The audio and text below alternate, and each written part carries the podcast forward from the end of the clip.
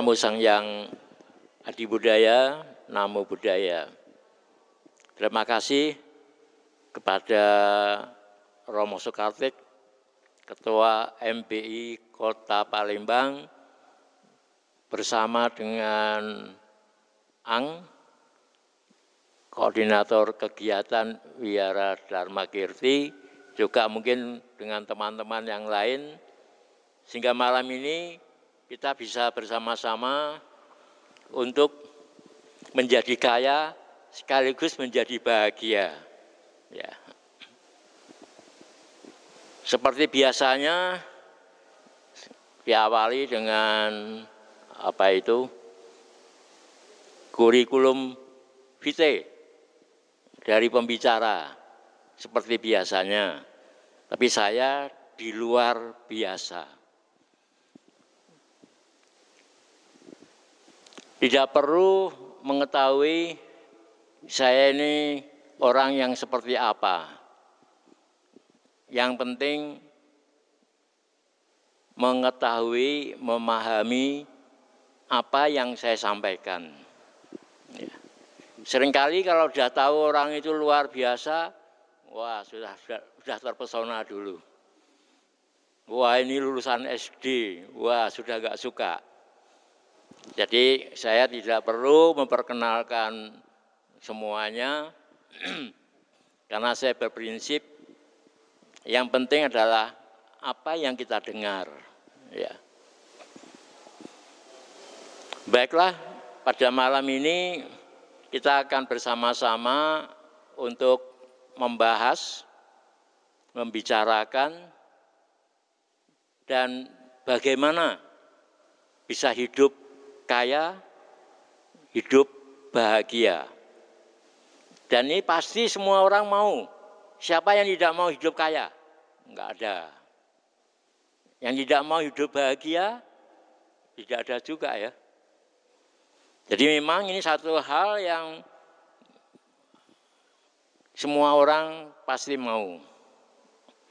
Baiklah saya akan langsung saja berbicara mengenai hidup kaya, hidup bahagia. Nanti akan banyak yang bertanya enggak? Siapa nanti yang akan bertanya? Uh, kalau enggak ada yang bertanya, ya waktunya saya habiskan aja. Tidak ada tanya jawab. Siapa yang mau bertanya nanti? Enggak ada. Enggak tahu. Mungkin yang datang dahuluan itu cuma ingin mendengar saja. Eh, datangnya yang terlambat itu pasti bertanya karena yang awal dia nggak dengar. Ya. Sebenarnya semua yang hadir di sini punya atau sudah kaya. Karena yang dimaksud dengan kaya ini tidak hanya kaya duniawi, bukan hanya kaya harta. Umumnya kalau disebut orang kaya itu karena dia kaya harta ya. Padahal yang lain-lainnya dia tidak punya. Punyanya hanya satu kaya harta. Sehingga akhirnya menjadi orang yang kejam ya. Kaya harta itu pasti.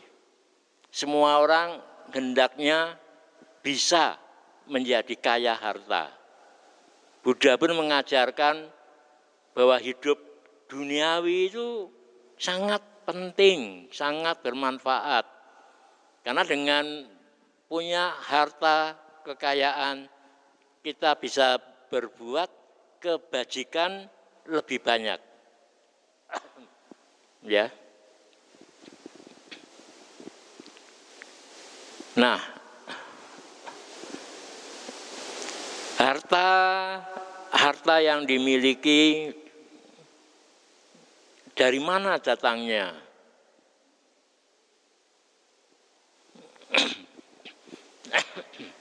Yang pertama punya timbunan, timbunan kebajikan berdana materi di dalam kehidupan yang lampau.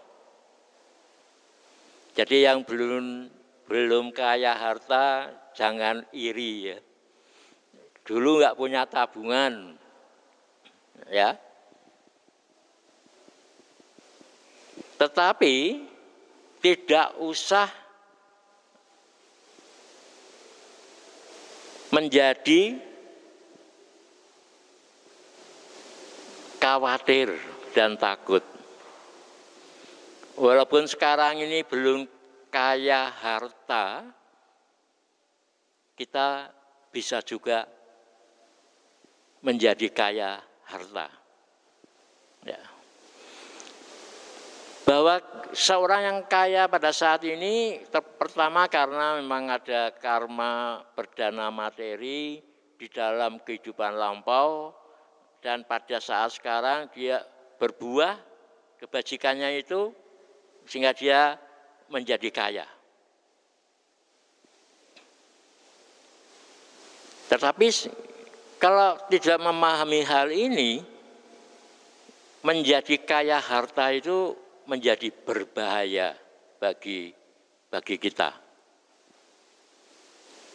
Sudah kaya harta menjadi makin pelit, makin kikir, makin menggunakan kekayaannya untuk mendapatkan segala sesuatu yang diinginkan. Nah, jadi yang kaya harta ini harus memahami hal ini. Karena kekayaan harta itu ada yang bisa sampai tujuh turunan. Berarti kebajikan dana materi pada kehidupan lampau, kualitas berdananya luar biasa. Sehingga kekuatan dana itu bisa terus berbuah terus sampai tujuh turunan. Tujuh turunan itu bagi turunannya.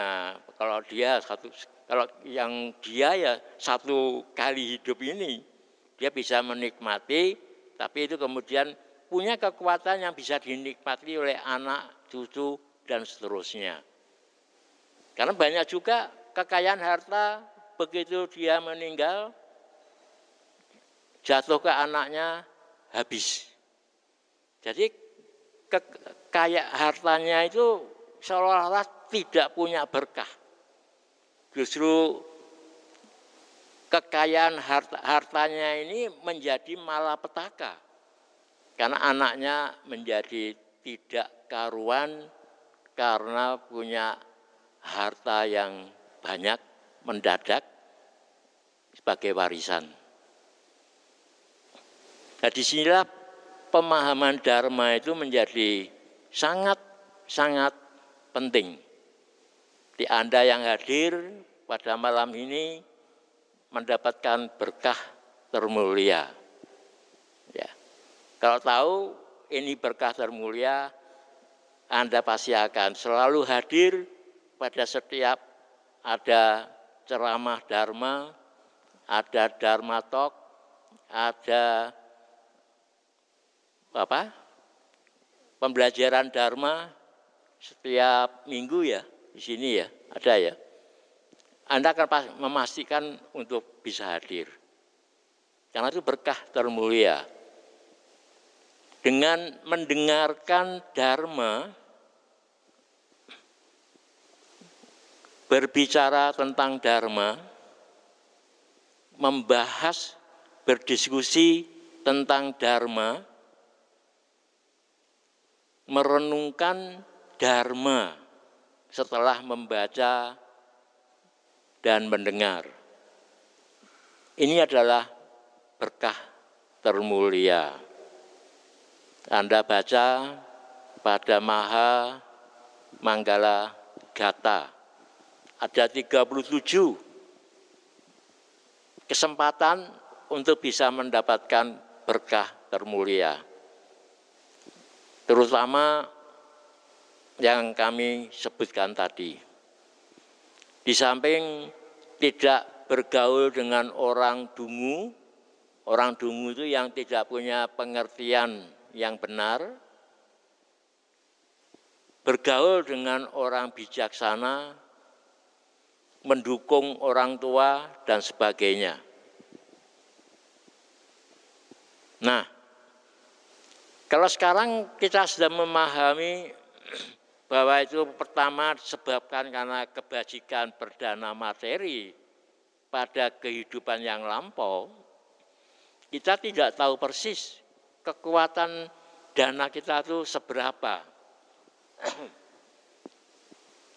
Maka ada orang yang kaya seperempat seperempat jalan, kaya setengah jalan, Kalau kekuatan dana materi kualitasnya itu luar biasa, Anda bisa menikmati kaya harta mulai justru mulai lahir di dalam kandungan Anda sudah kaya harta karena mamah kontrolnya ke dokter kandungan spesialis yang hebat. Ya. Mama makan, minum yang diperlukan untuk menguatkan kandungannya dan juga bisa mencerdaskan anak dalam kandungan, bayi dalam kandungan. Ini sudah Anda sudah kaya itu. Banyak yang tidak bisa seperti itu. Nanti lahir susu ibu sampai secukupnya. Kalau dua tahun masih keluar terus masih oke. Okay. Setelah itu sambung susu formula. Anda sudah kaya. Susu formulanya bukan yang murah harganya. Yang mahal, yang kualitasnya tinggi, yang banyak vitamin, mineral, dan sebagainya, sehingga Anda akan tumbuh, berkembang menjadi bayi, menjadi anak, anak yang sehat, cerdas, dan sebagainya. Kemudian berada di dalam kandungan ibu yang baik, yang baik. Karena pendidikan anak dimulai dari di dalam kandungan. Maka ada orang-orang tua berkata kalau hamil itu hati-hati. Jangan suka nendang kucing. Jangan suka nendang kambing. Nanti bisa keluar tanduknya. Ya, jangan bicara yang tidak baik. Itu memang benar walaupun agak berlebihan. Karena apa yang dipikirkan hati dan pikiran si ibu saat hamil, ucapan-ucapan dan perbuatan-perbuatan selama hamil itu akan dicerap oleh bayi dalam kandungan. Ya. Si anak sudah dididik mulai di dalam kandungan. Jadi yang sudah terlambat ya sudahlah. Calon-calon ibu perlu perhatian. Karena itu sebaiknya mulai sekarang banyak belajar dharma. Melaksanakan dharma dan melaksanakan meditasi di dalam kehidupan sehari-hari. Itu bekal bekal yang luar biasa. Sehingga pada saat Anda nanti mengandung, yang sebelah sini aja ya, yang sana enggak. Kalau Anda nanti mengandung, Anda sudah terbiasa punya pengertian-pengertian yang baik, yang benar. Punya pikiran-pikiran yang baik, hatinya pun juga baik. Syukur-syukur cinta kasih pikirannya, hatinya welas asih. Ya, ucapannya juga ramah tamah, lembut, menyenangkan setiap orang, perbuatannya juga baik. Banyak melakukan kebajikan-kebajikan di dalam kehidupan sehari-hari. Ini menjadi pendidikan bagi si anak. Memang bayi uh, yang masuk ke dalam kandungan itu membawa karma, membawa karma. Sehingga punya anak anak lima masing-masing kondisinya bisa berbeda. Ada yang cerdas, ada yang kurang cerdas, bahkan mungkin ada yang cerdasannya di bawah normal. Ada satu ibu, satu bapak ya karena si anak yang masuk ke dalam kandungan itu sudah membuat mempunyai kekuatan karma-karma di dalam kehidupannya masing-masing. Bakatnya berbeda, ya. Kalau nanti yang yang hamil lagi ya, atau yang akan hamil, kalau perutnya ada yang nendang-nendang bayinya, nendangnya teratur, tidak sakit. Wah, ini pasti bayi yang punya perasaan halus. Mungkin juga dia seorang seniman. Tendangannya pakai irama. Wah, kalau bayi dalam kandungnya nendangnya nggak karuan, kerasnya sakit sampai kesakitan, wah ini harus hati-hati. Jangan-jangan dia dulu preman. Harus hati-hati ya. Walaupun dia preman dulunya, walaupun dia seorang yang baik, seniman dan sebagainya, kita harus bisa mulai mendidik bayi dalam kandungan kita. Itu pengaruhnya luar biasa. Ya. Kalau hati, pikiran kita setiap hari selalu baik, ya. Tidak pernah ada rasa benci, iri, serakah, dan sebagainya, pikiran-pikiran dan hati yang negatif. Selalu baik. Dan ini memang seharusnya demikian. Kita harus Siap saat punya hati yang baik, pikiran yang baik, ucapan yang baik, perbuatan-perbuatan yang baik. Ini tugas kita yang utama. Sehingga nanti otomatis kita ini akan punya generasi penerus kita ini yang baik-baik semua.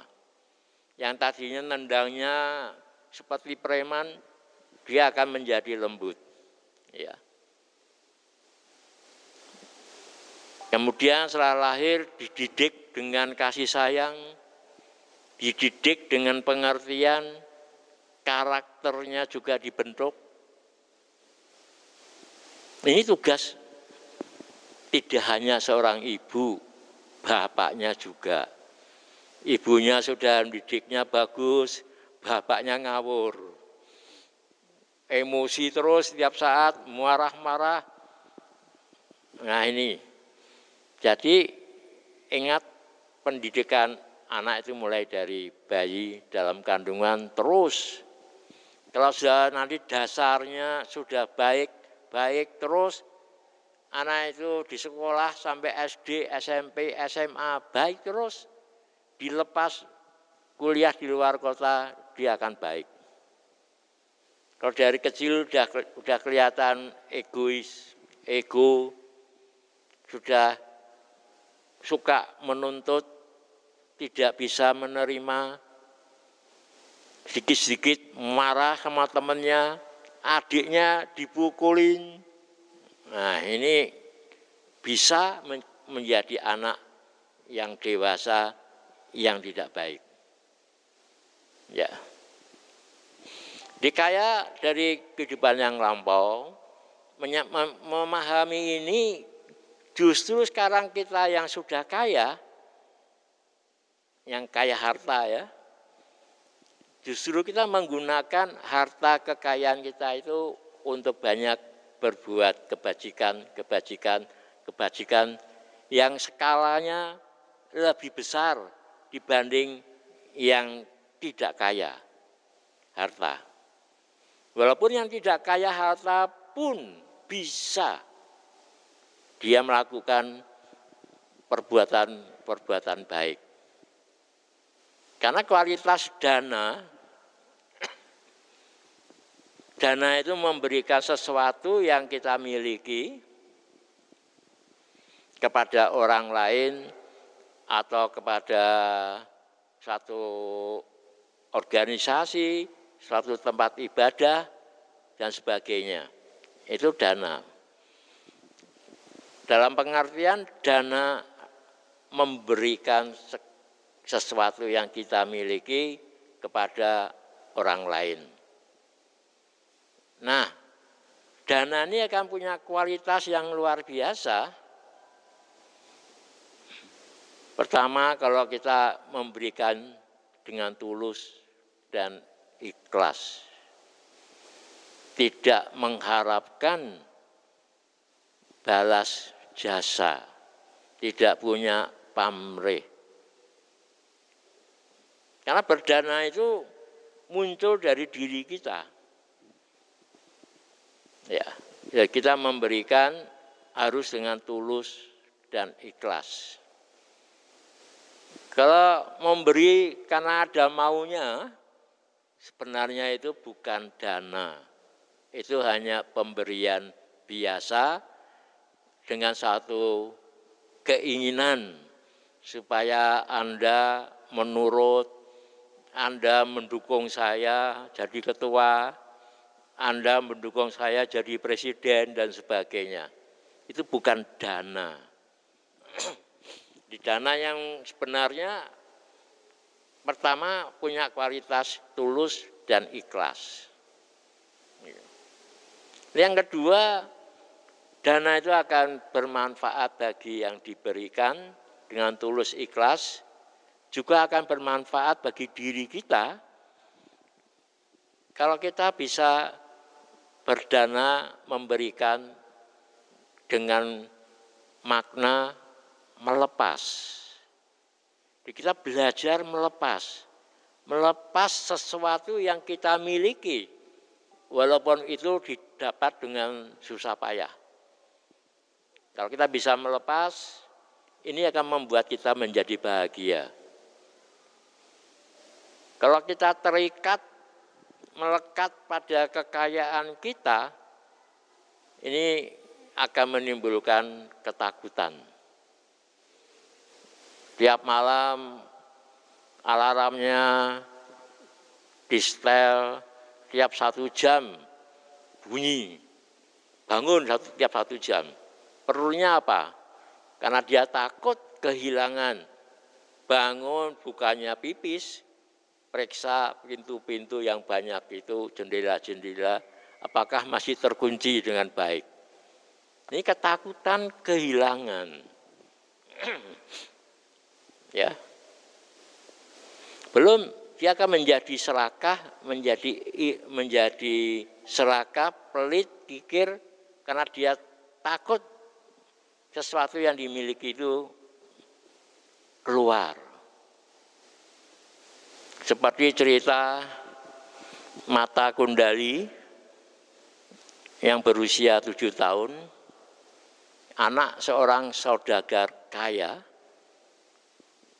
kaya raya, tapi juga pelit, kikir, luar biasa. Pada suatu hari mata kundali yang berusia tujuh tahun sakit. Dia tidak mau memanggil tabib. Karena dia berpikir, kalau saya manggil tabib, saya harus membayar. Uangku berkurang. Eh, dia tanya sana sini. Ada yang ngomong, alah kasih aja lah kencur, diperes.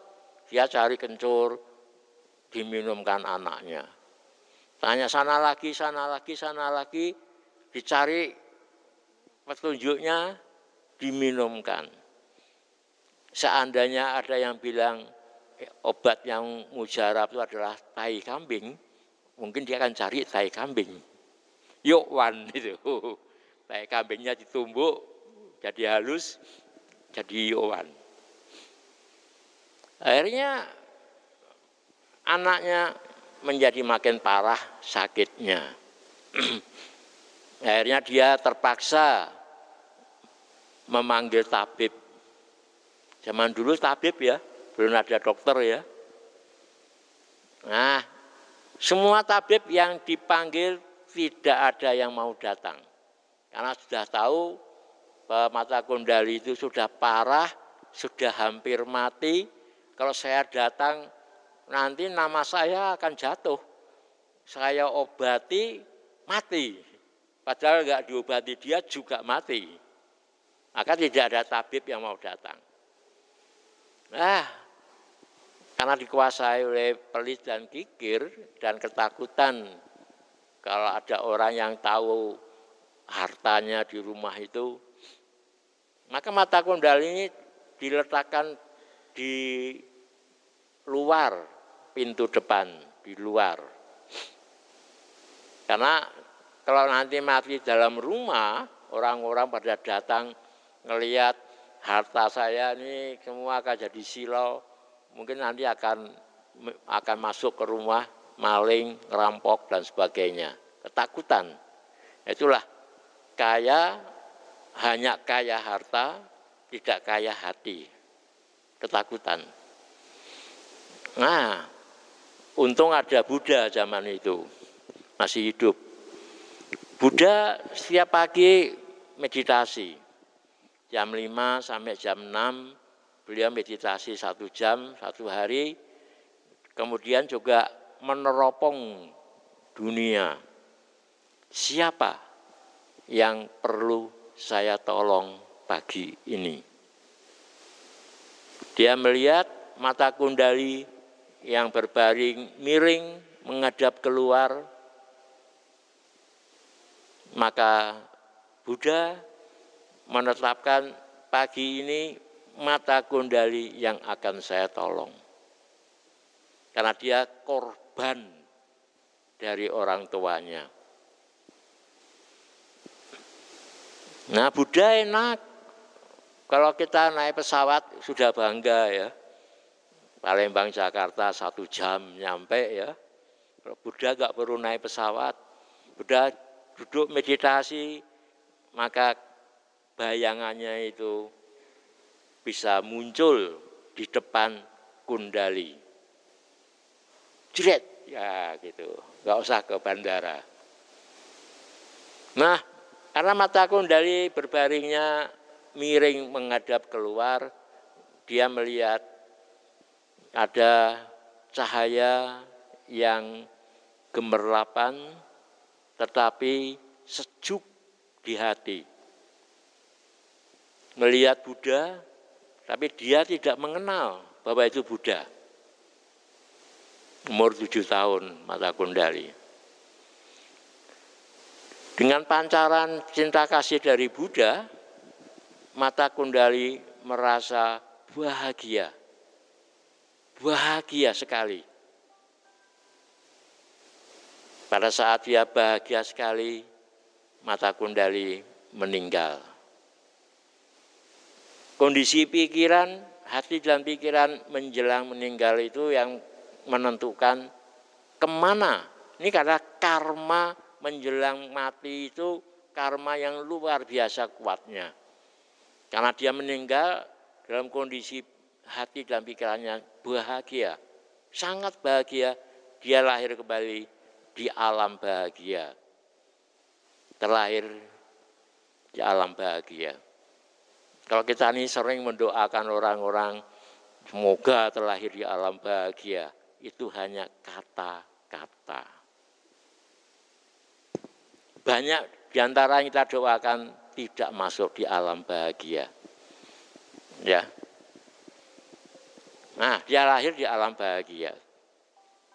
Alam bahagia itu alam alam surga, alam surga atau alam dewa dan lahir di alam manusia yang kondisinya sangat baik, sangat lebih baik dari kondisi sebelumnya. Itulah alam bahagia. Ya. Teman saya saya tanya, kamu kok mendoakan supaya terlahir di alam bahagia? Alam bahagia itu seperti apa lah? Enggak tahu. Nah inilah kebiasaan kita ini seperti itu.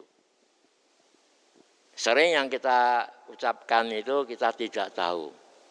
Sama dengan kirim video di medsos, grup WA dan sebagainya. Ada yang tanya, itu kejadian di mana? Enggak bisa jawab. Saya cuma banyak kirim saja. Jadi kita banyak melakukan hal-hal yang kita tidak tahu. Ternyata langsung ada yang itu hoak, hook, itu hook dengan datanya itu hook. Sudah terlanjur di pos. Jadi mata kundali lahir di alam bahagia. Ayahnya yang begitu kikir, pelit, kaya luar biasa, di tempat dikremasi anaknya, dia baru sadar. Memang menyesal itu kalau sudah terjadi ya.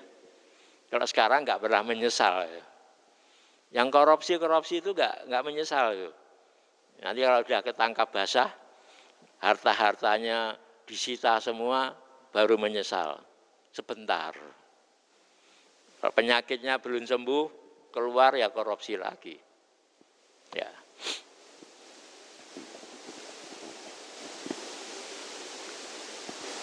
Maka ayah dari Kondali tetap berdiam di situ terus. Kalau zaman dulu itu tidak usah dibawa ke krematorium. Di satu tempat terbuka kayu yang ditumpuk-tumpuk ya. Mungkin disiram minyak.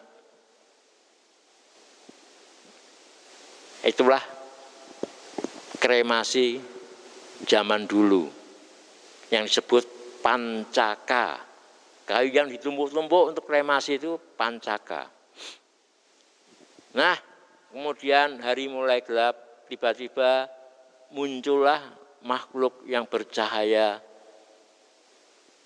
Ayah Kundali itu Kundali melihat siapakah engkau? Ayah, saya Kundali, mata Kundali, anakmu. Loh, sekarang saya menjadi dewa, lahir di alam dewa atau surga. Kok bisa? Saya yang kaya raya aja ini nggak tahu nih, masuk neraka lapis yang paling bawah. Dia cerita karena dia menjelang meninggal itu datang yang bercahaya gemerlapan. Setelah dia lahir di alam dewa, dia baru tahu itu adalah Buddha yang datang dengan mengirimkan bayangannya. Ya.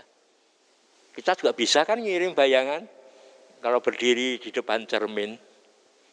Bayangan kita di cermin. Ya.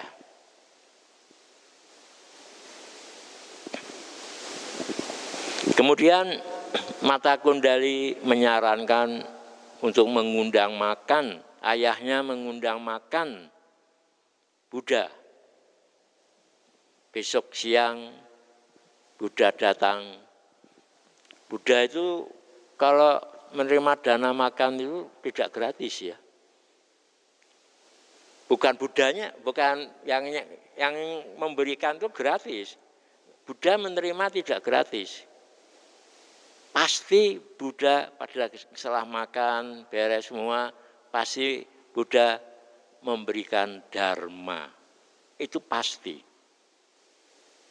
Ya.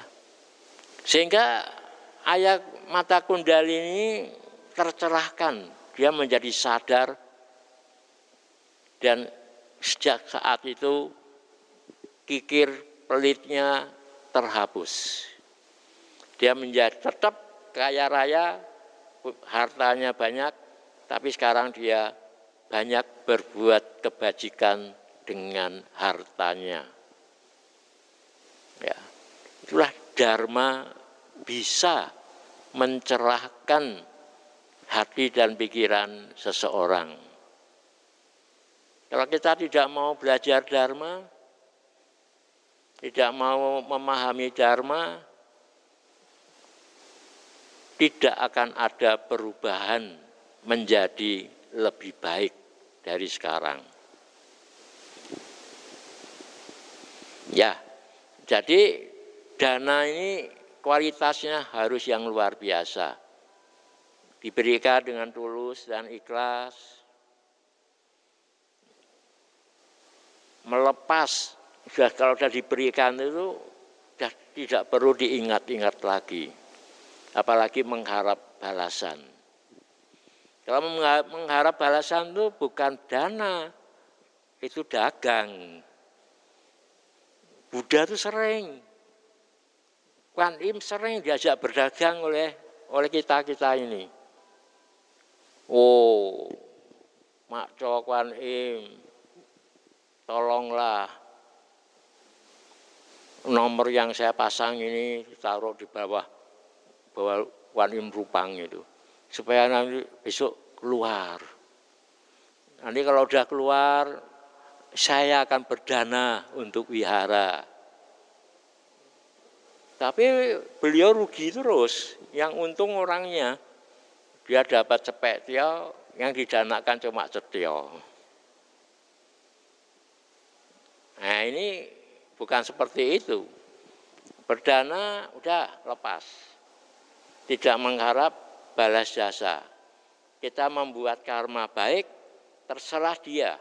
Apakah dia bisa menerima karma baik kita, dia pun bisa membuat karma baik pada orang lain.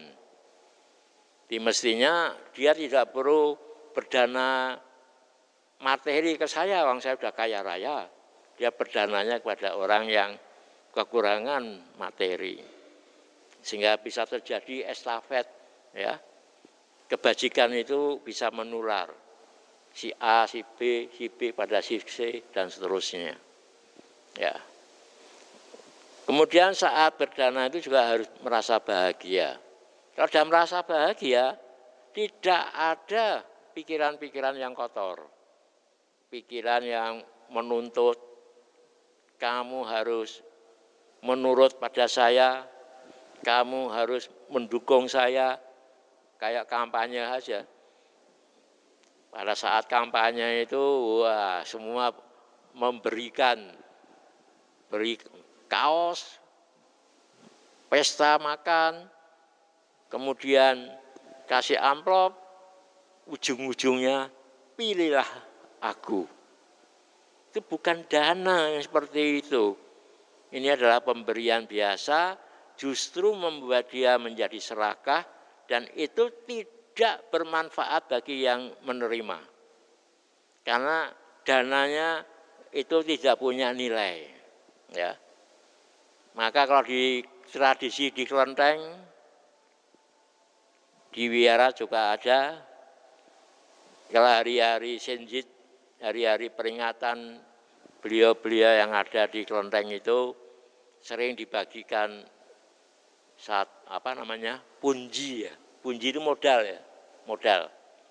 Hanya satu amplop merah di dalamnya kalau zaman sekarang mungkin ya yang gopek cering itu atau cecing ada lagi yang cuma cepek. Itu karena ditaruh di altar orang yang ngambil itu itu menjadi modal. Ditaruh di laci uang di rumah itu bisa nyedot uang-uang datang. Nah, itu kalau punya kualitas. Yang pengurusnya juga enggak, nggak tahu. Pokoknya tiap tahun ya inilah kasih kunci supaya mereka sering sembahyang di sini. Nah, udah paham lagi.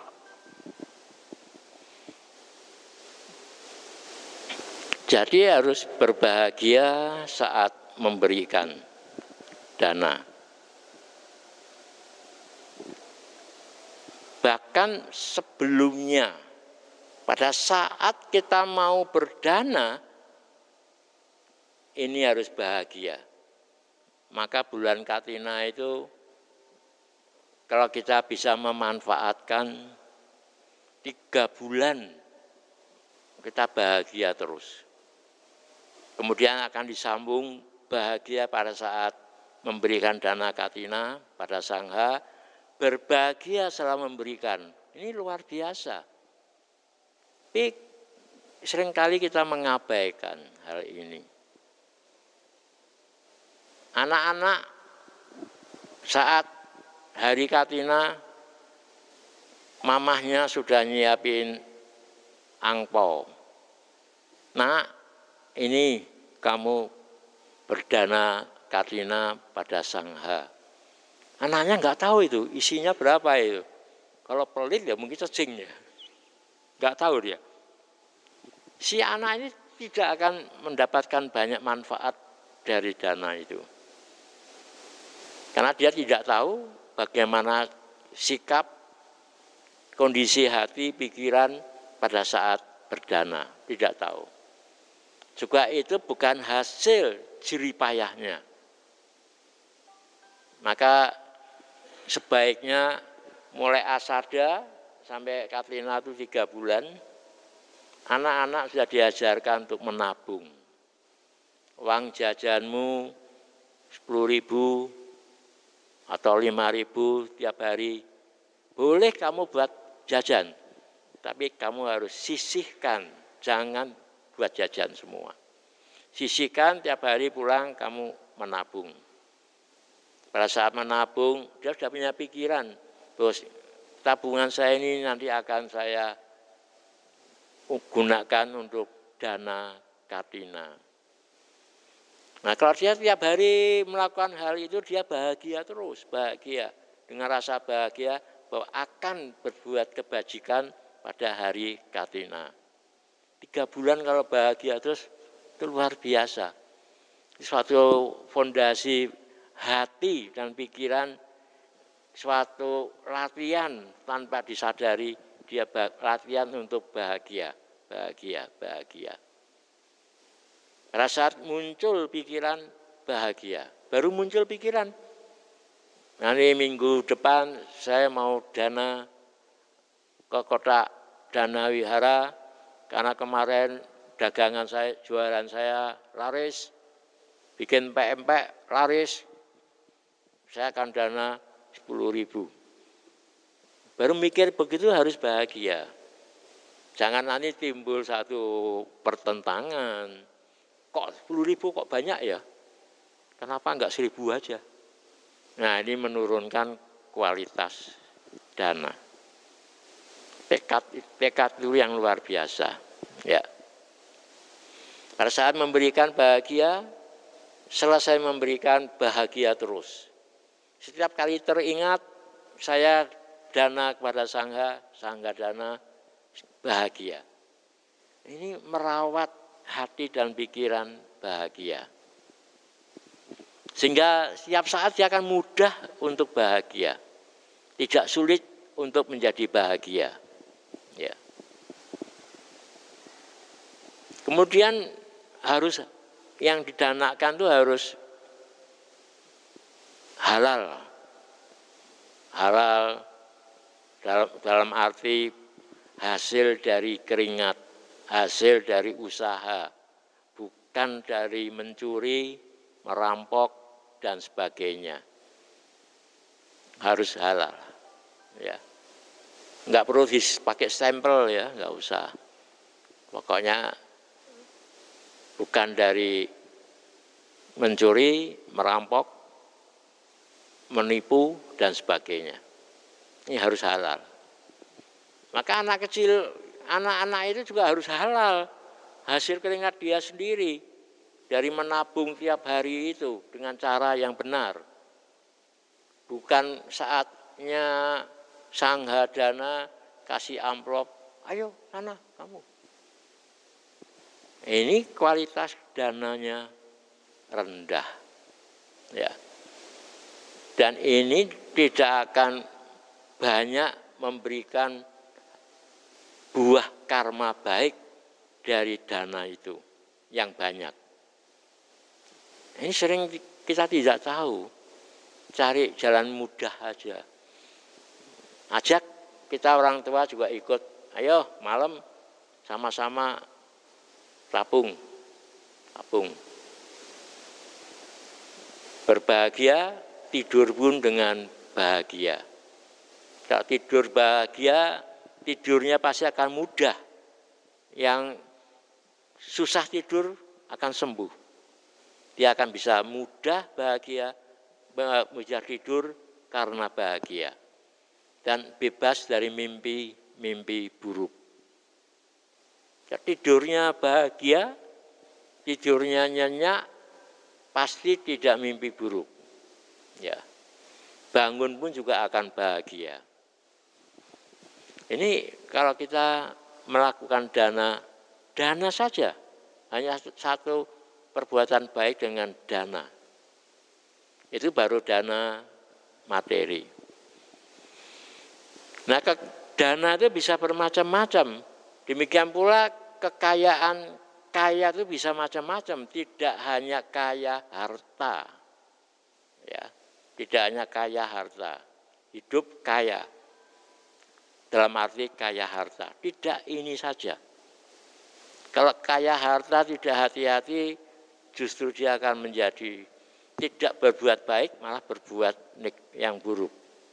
Jadi pelit, karena kikir, karena merasakan ini nyari duitnya, ngumpulkannya duit sampai tumpuk-tumpuk ini capek luar biasa, kerja berat, mat timbul kikir pelit dan muncul serakahnya. Kemudian timbul kemelekatan pada harta yang dimiliki. Ini akan membuatnya tidak bahagia justru menderita.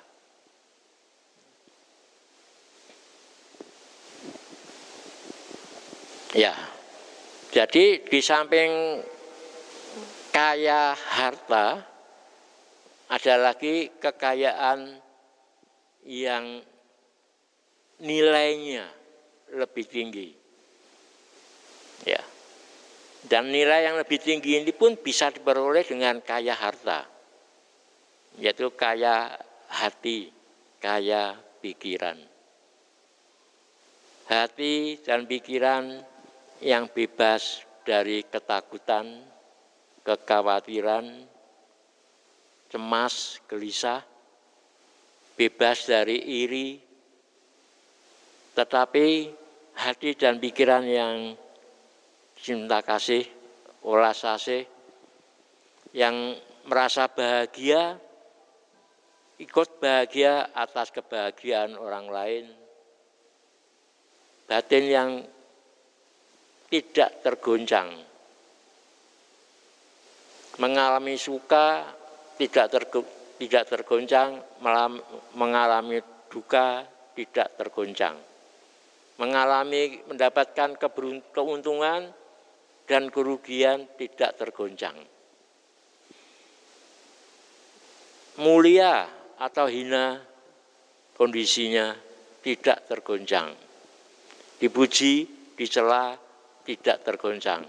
Ini yang luar biasa kekayaan ini luar biasa.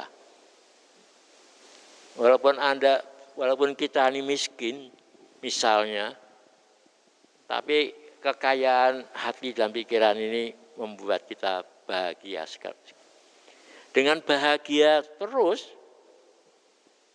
kaya, hart, kaya hati dan kaya pikiran, ini akan mendatangkan rezeki mendatangkan rezeki sehingga bisa menjadi kaya harta. Sedangkan yang kaya harta, hartanya dipergunakan untuk berbuat kebajikan,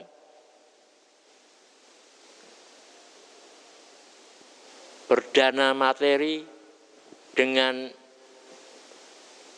cara yang benar dan tepat, ini akan membuat dia juga memiliki kaya hati, kaya pikiran. Kalau kaya pikiran juga macam-macam. Pikiran yang baik, pikiran cinta kasih, ini kaya.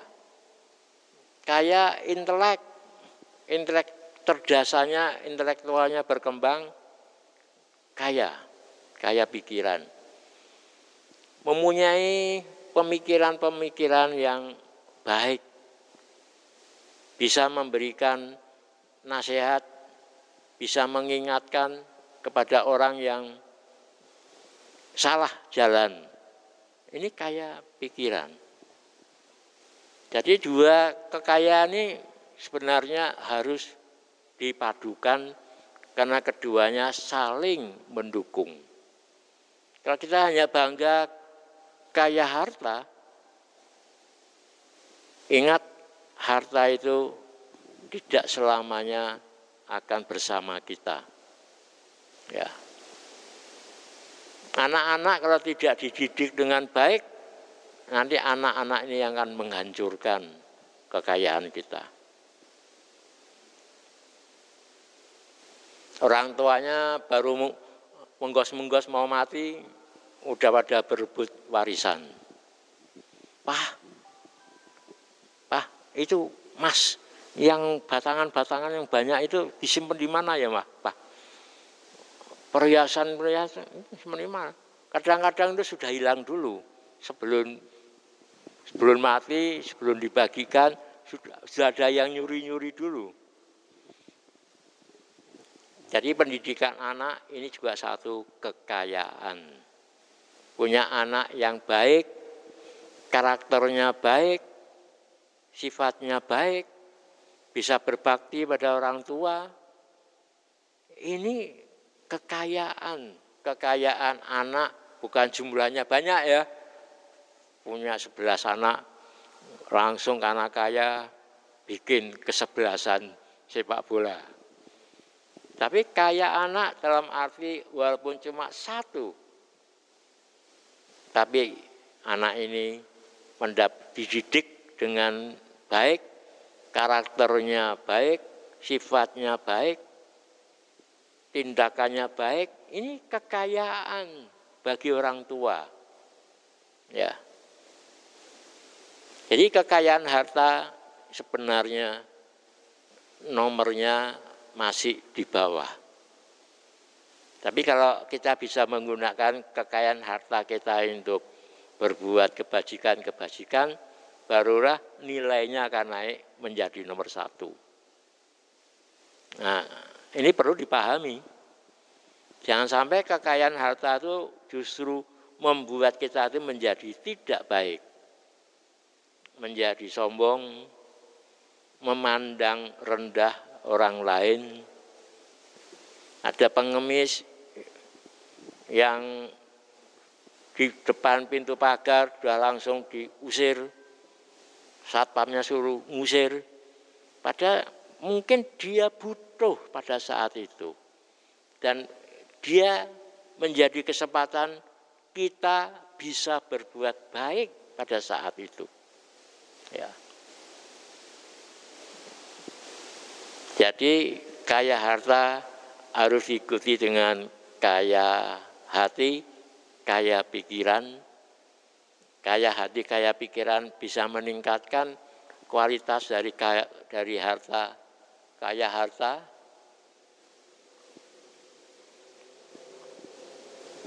Dan ini adalah bahagia dalam hidup sekarang dan bahagia pada kehidupan yang akan datang. Ya. Jadi kebahagiaan kita ini bukan ditentukan dari sesuatu yang ada di luar diri kita. Walaupun sesuatu yang ada di luar kita ini bisa kita pergunakan untuk membuat kita bahagia. Bisa. Kalau anaknya dididik dengan kasih sayang, semuanya menjadi baik dalam segala hal. Ini bisa membuat orang tua bahagia. Karena kekayaannya bisa. Ya. Sampai jam berapa nih? Masih 10 menit ya?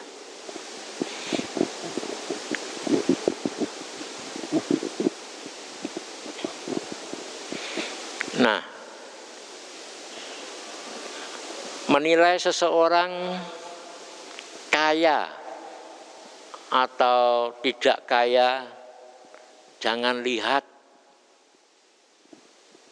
gedungnya yang bertingkat, mobilnya delapan diparkir jadi pameran, tidak di, pernah dipakai untuk bepergian. Jangan lihat itu.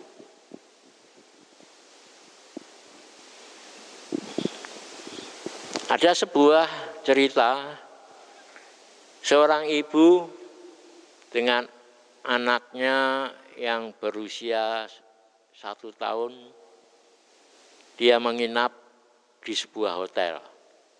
Hotel yang cukup mewah, bintang tiga atau empat itu. Pada tengah malam anaknya menangis, kehabisan susu. Kebetulan umur setahun itu sudah minum susu formula. Kemudian dia mendatangi resepsionis. Kebetulan pemilik hotel itu ada di situ.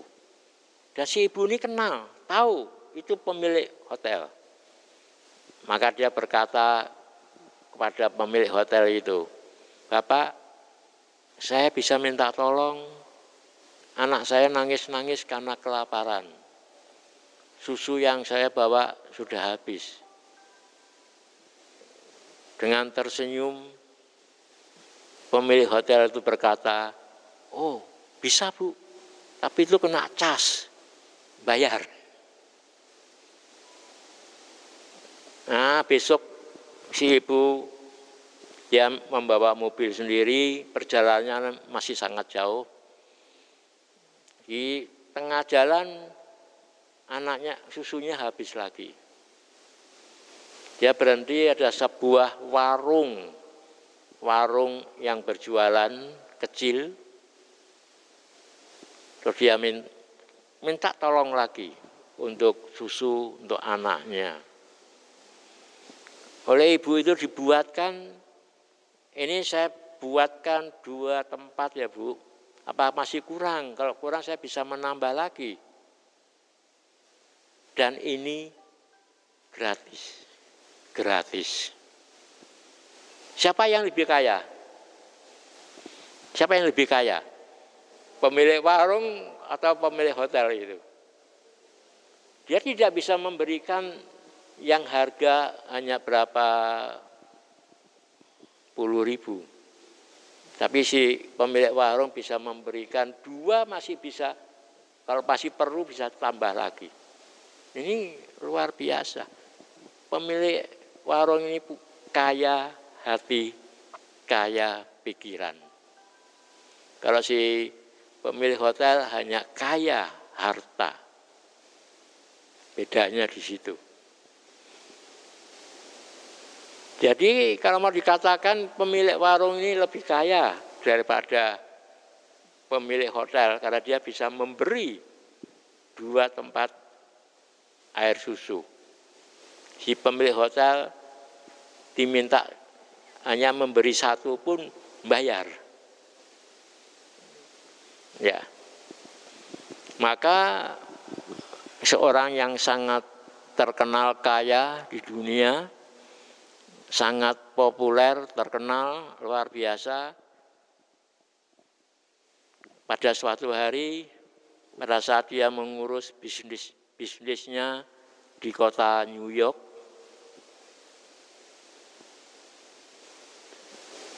dia pada saat itu orang ini belum sukses, belum. Kemudian dia kebiasaan bisnismen bisnismen itu sarapannya koran ya, berita ya. Kalau kita enggak, kita sarapannya HP.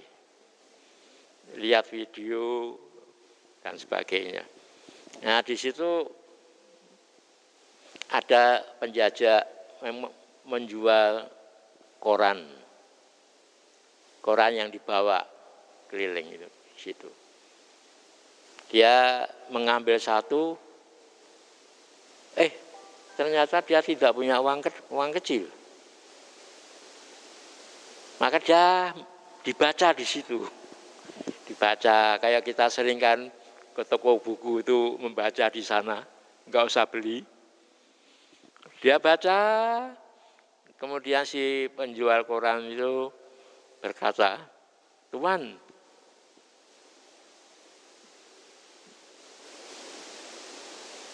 bawa saja koran itu. Maaf ya, saya tidak punya uang kecil. Udah bawa saja untuk tuan gratis. Penjual koran gratis. Oh, selang berapa bulan, tiga bulan ke kemudian kembali lagi pengusaha ini mampir di situ. Sekali lagi tidak punya uang kecil. Nah dia ada baru pegang koran baca-baca, waduh kembalikan. Saya tidak bawa uang kecil, sorry saya kembalikan si penjajah yang jual koran itu langsung ini gratis untuk tuan. Tapi kan Anda rugi. Tidak. Keuntungan saya jualan sehari kalau untuk memberikan koran gratis satu kali masih berlebih. Luar biasa. 19 tahun kemudian kebetulan pengusaha itu sudah menjadi sukses luar biasa, sudah sangat terkenal, sering muncul di TV, juga sering muncul dalam berita koran. Dia datang lagi kebetulan mengurus bisnisnya. Dia mencari-cari tukang koran itu.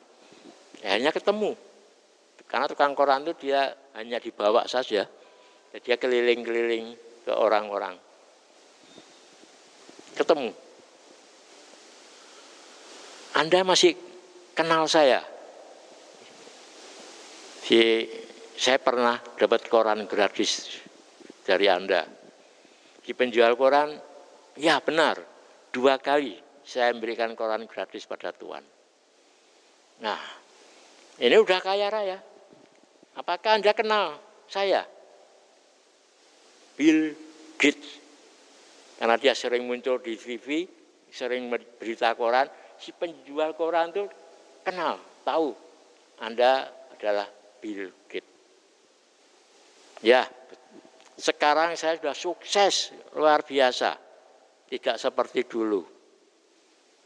Bagi rasa terima kasih, apa pun kebutuhan yang kamu inginkan, katakanlah, saya akan membelikan untuk Anda. Si penjual koran tersenyum.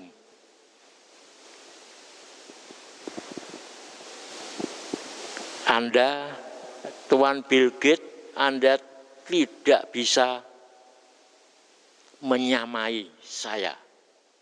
Kaget Bill Gates itu. Kenapa? Pada saat saya memberikan koran, saya orang miskin. Saat ini Tuan Bill Gates sudah jadi kaya raya, sukses luar biasa. Sekarang akan memberikan pada saya. Mana yang nilainya lebih tinggi? Jadi Tuhan tidak bisa menyamai saya. Nah, akhirnya Bill Gates tahu orang ini penjat penjual koran lebih kaya dari saya.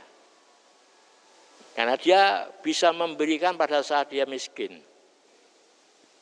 Dia sekarang mau memberikan pada saat dia sudah berlimpahan segala-galanya. Seandainya dia minta dibelikan rumah dan sebagainya senilai satu miliar pun dia bisa. Jadi ini yang lebih kaya sebenarnya yang miskin ini. Karena itu kalau kita mau menjadi orang baik,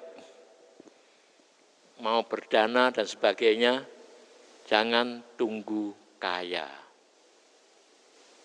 Saat sekarang pun kita bisa melakukan, walaupun hanya memberikan koran.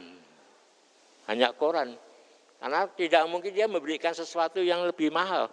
Koran dia bisa. Dilakukanlah sesuatu yang bisa diberikan. Enggak punya uang saat saat itu enggak punya uang, tenaganya yang diberikan. Ya. Kemudian bisa memaafkan setiap orang yang yang dianggap bersalah pada kita. Ini pasti bisa diberikan oleh setiap orang. Berikan maaf. Walaupun Anda benar. Kalau dia minta maaf, kita tetap harus bisa memberikan. Inilah kekayaan hati dan pikiran. Ya. Ya, mungkin ada pertanyaan kalau tinggal setengah jam kelihatannya sudah bahagia semua ini. Yang belum harta, belum kaya harta, sudah tahu saya bisa kaya harta. Asal saya kaya hati dan pikiran, pasti rezeki itu akan datang mengalir. Ya. Oh. Silakan, silakan. Oh.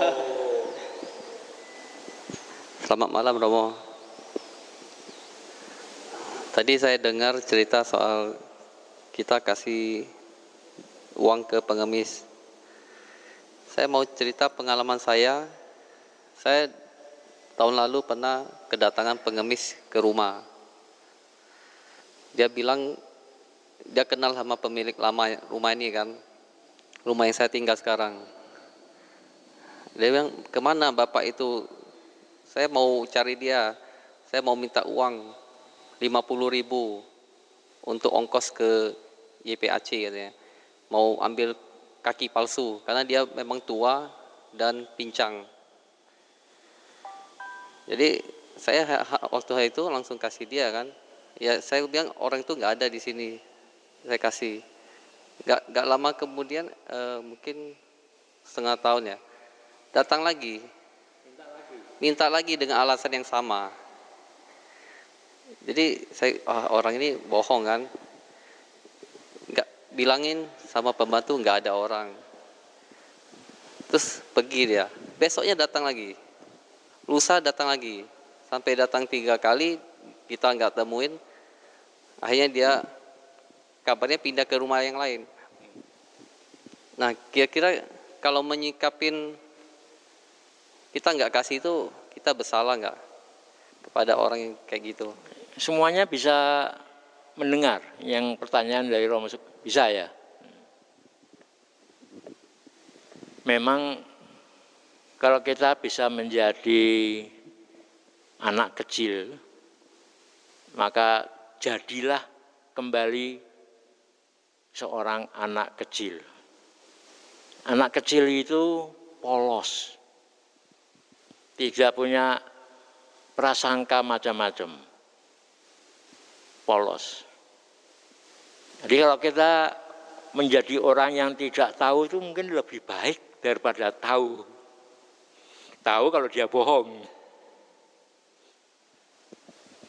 Karena itu jadilah kembali anak kecil, dah biarkan.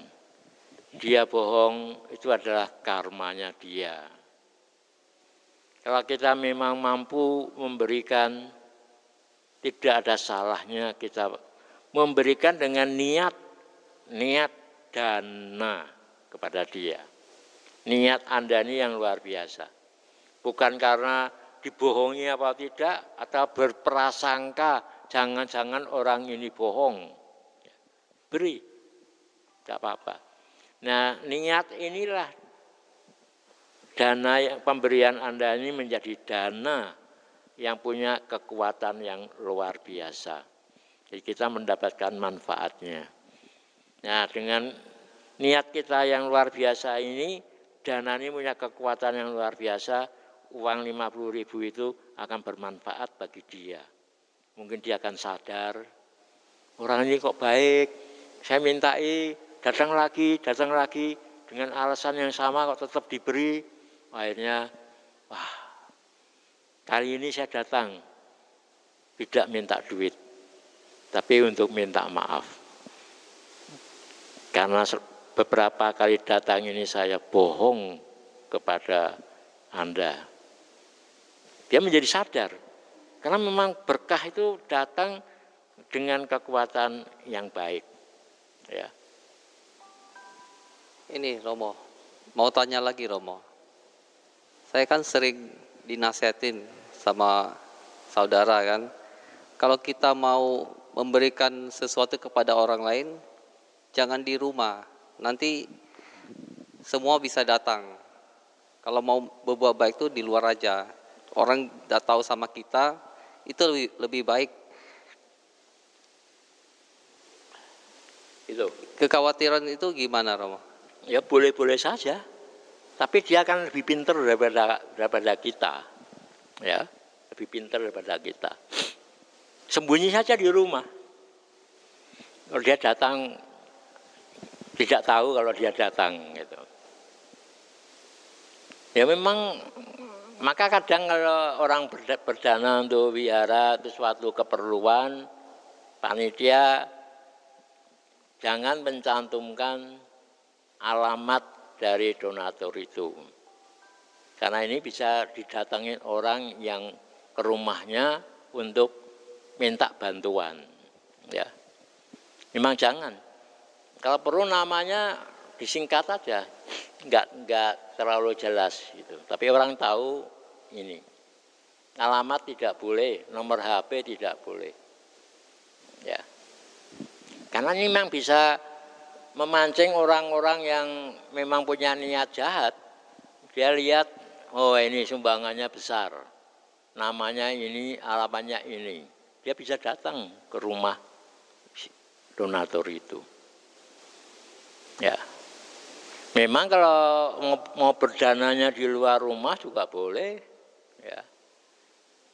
Tapi mereka pasti lebih pintar, dia tahu. Karena mereka punya kelompok-kelompok, tahu. Siapa ini yang sering datang ke stasiun bagi-bagi duit, dia tahu pasti. Ada informasi. Jadi ya memang begitulah kalau kita memang sudah mau stop, ya stop aja Jangan punya pikiran yang tidak baik. Ya, dalam hati katakan sudah cukup saya memberikan dana tiga empat kali kepada Anda untuk hal yang sama. Kan sama kan alasannya itu untuk hal yang sama. Selesai, kita stop. Tidak usah dengan rasa penasaran, rasa sakit hati itu akan menyakiti hati kita. Rugi kan? ya inilah bedanya pandangan duniawi dan pandangan spiritual. Pandangan duniawi ini bisa membuat kita menderita, pandangan spiritual ini tidak akan membuat orang menderita. Ya. Ya, silakan.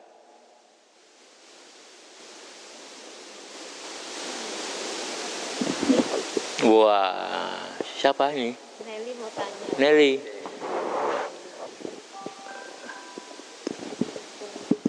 Malam Romo. Ya, silakan. Mau tanya, kalau soal berdana tadi, kalau misal kita mau berdana kepada yang yang pedagang asongan di lampu merah itu loh. Itu sebaiknya mau dikasih atau enggak. Kadang kalau enggak dikasih merasa bersalah. Tapi mau dikasih juga bingung ya. Ya yang minta-minta gitu loh Romo yang banyak di lampu merah. Ya kalau sudah itu ya diem sebentar. Kata hatimu itu yang mana? Ya. Kata hati ini yang penting. Punya pacar dua cowok sama-sama baik bingung. Akhirnya dia harus diam, tunggu jawaban dari kata hati. Apakah saya sebaiknya pacaran dengan si A atau dengan si B? Nanti kata hati itu bisa membantu. Mungkin bisa membantu lewat mimpi bisa. Habis ngomong gitu, malamnya tidur mimpi kelihatan si A yang senyum-senyum. Oh ya, berarti si A ini. Ya. Nah, kata hati itu harus bisa tajam.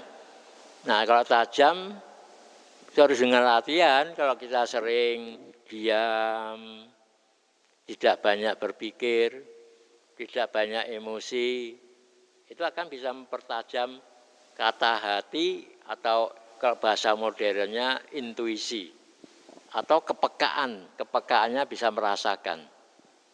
Ya, silakan.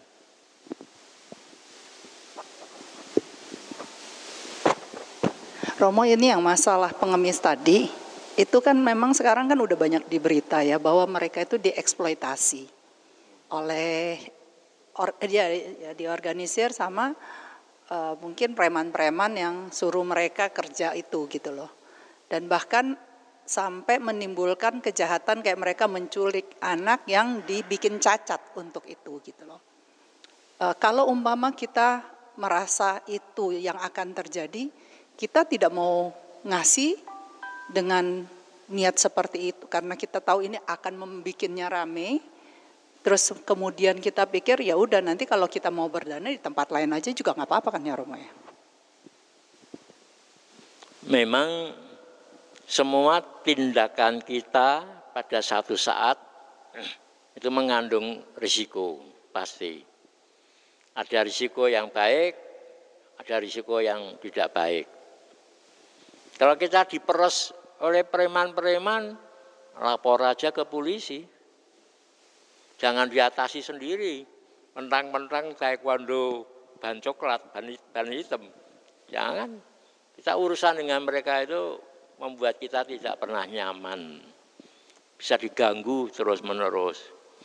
Serahkan pada polisi. Iya kan? Pada uangnya diberikan pada preman yang meres itu masih lebih baik diberikan pada polisi. Masih lebih baik ya. Ya, maksudnya bukan gitu Romo, maksudnya eh, pengemis-pengemis yang kita mau yang minta duitnya itu memang ya pasti juga susah sih sebenarnya. Cuman maksudnya kalau kita memberi kepada mereka artinya itu mensuburkan premanisme yang meng, membuat pengemis ini makin banyak. Ya. Dan juga yang cerita kalau umpama kita ini memberi kepada pengemis terus pengemis-pengemis ini hidupnya lebih baik di kota dengan mengemis sehingga menarik-narik lagi yang dari kampung itu untuk datang untuk ngemis. Dan itu ya akhirnya ini kayak kita yang ber, berlaku sebagai orang yang mau mengatasi masalah ya. Ada juga yang mengatakan ya udah kasih kasih aja nggak usah banyak mikir gitu loh. Saya kalau di pasar juga kalau ngasih orang yang ini saya dimarahin kakak saya dia bilang lu ngasih ngasih itu mereka tuh suka apa ya membawa ini bikin makin rame aja yang minta-minta di pasar bikin masalah gitu loh. Temen ya kadang-kadang kita melihat ya kalau memang dia butuh saat itu ya kita bantu yang mana perlu yang enggak ya enggak gitu. Tapi yang untuk pengemis di jalan saya uh, apa keputusan ya? saya sendiri saya tidak mau ngasih gitu loh. Yang di jalan-jalan tuh ya. Iya, yang di, di, di maksudnya di lampu merah, lampu merah itu, Romo. ya ya ya. Tahu saya tahu. Itu ada yang punya anak buah yang suruh cari duit itu ya kalau bisa hindari perempatan itu. Kalau bisa. Karena di Semarang waktu saya mau pulang ke rumah ada teman yang mengantarkan saya. Dia lewat jalan yang yang baik-baik yang lurus itu ada perempatan, abang merah merah. Sebelum perempatan dia tuh belok, jalan kecil. Loh, kok belok kenapa? Di sana banyak yang nodong minta duit. Kalau bisa dihindari. Kalau bisa. Kalau nggak bisa ya santai-santai, jangan sampai merah lampunya. Nah, kalau merah pelan-pelan dulu, sampai hijau lagi lewat, selesai. Memang itu dilema ya, karena itu adalah masalah sosial ya. Masalah sosial itu memang merepotkan, karena pemerintah sendiri, termasuk kepolisian dan lain-lain itu ikut menyuburkan premanisme itu dengan tidak menindak ya. Yang perlu dicatat satu jangan bermusuhan dengan mereka. Tidak ada untungnya. Jangan bermusuhan. Kalau bisa ya menghindar muter sedikit misalnya boleh. Itu adalah tindakan yang bijaksana. Atau ya dikasih aja. Kita siapkan di mobil itu uang katakanlah uang koin ya boleh, uang seribuan ya boleh. Kasih aja.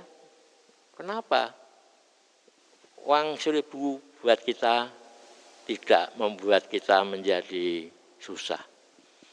Tapi kalau tidak dikasih mobilmu di garis digaris pakai pakai uang aja berapa itu untuk memperbaiki.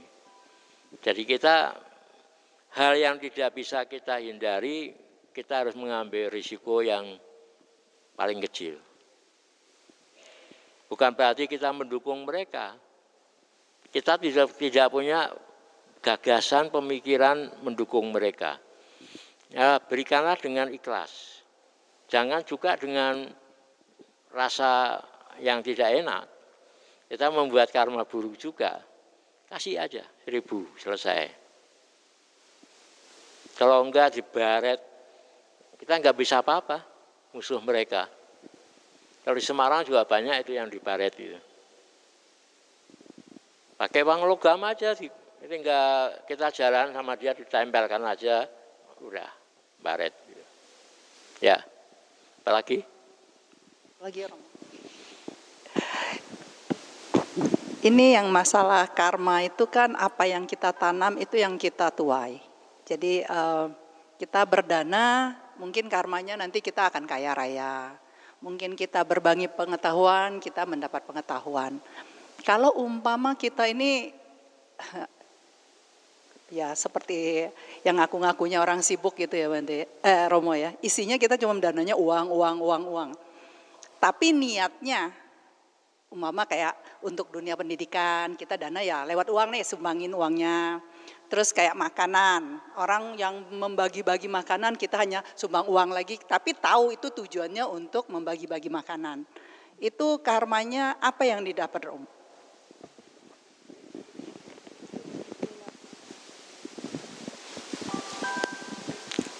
Kalau kita hanya menganjurkan orang lain berbuat baik, itu karma baik sudah.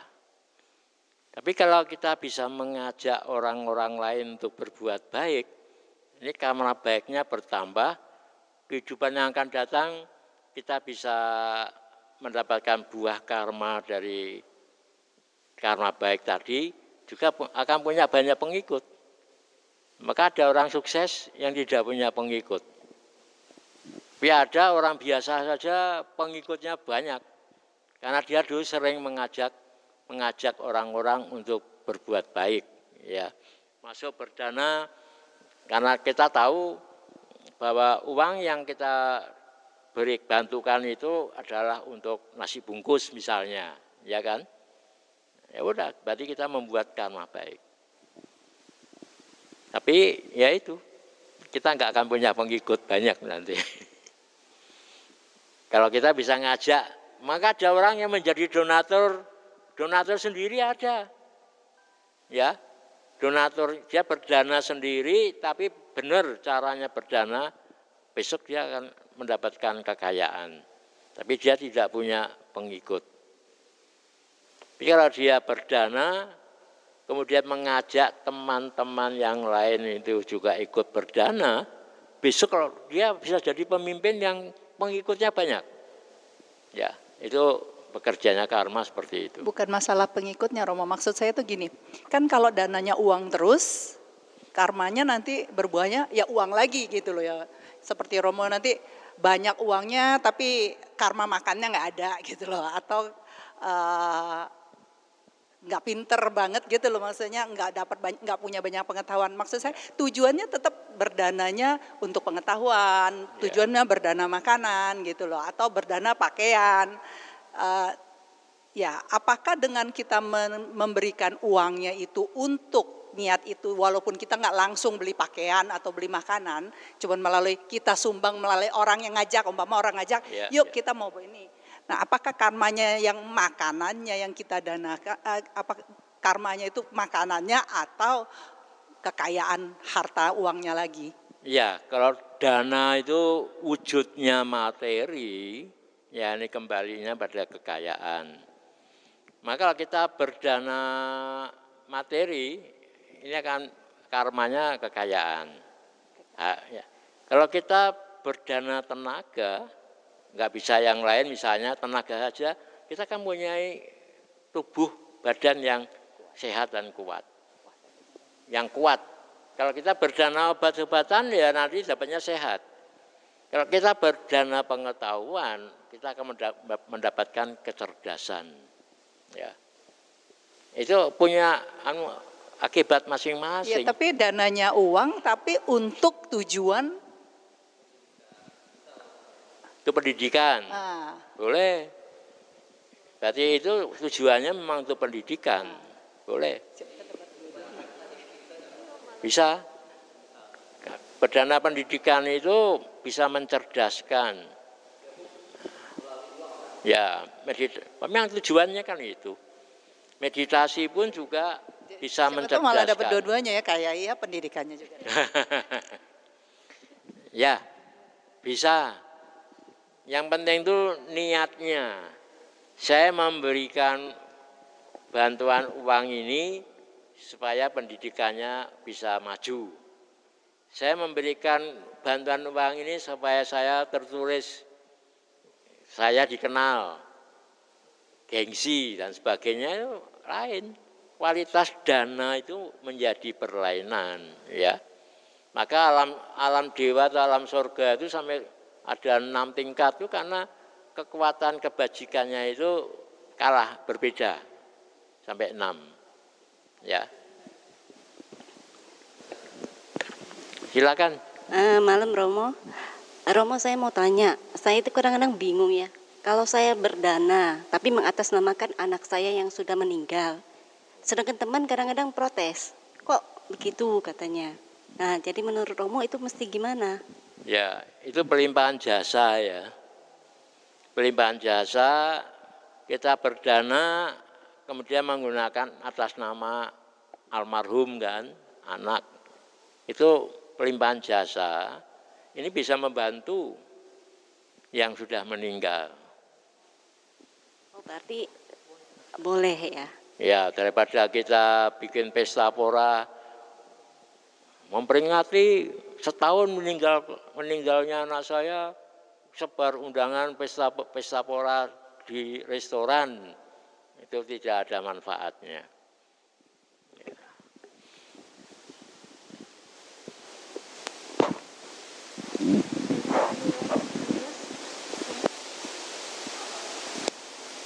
Ya. Ini pemberitahuannya sampai setengah sembilan ya. Tapi tadi mulainya jam tujuh. Berarti Anda punya utang setengah jam. Punya utang setengah jam ya? Nah, utangnya mau dilunasi apa tetap utang? Ya, ya enggak, enggak apa-apa kalau memang sudah tidak ada yang ditanyakan. Oh, Romo Sukartik yang mau. Ya Romo,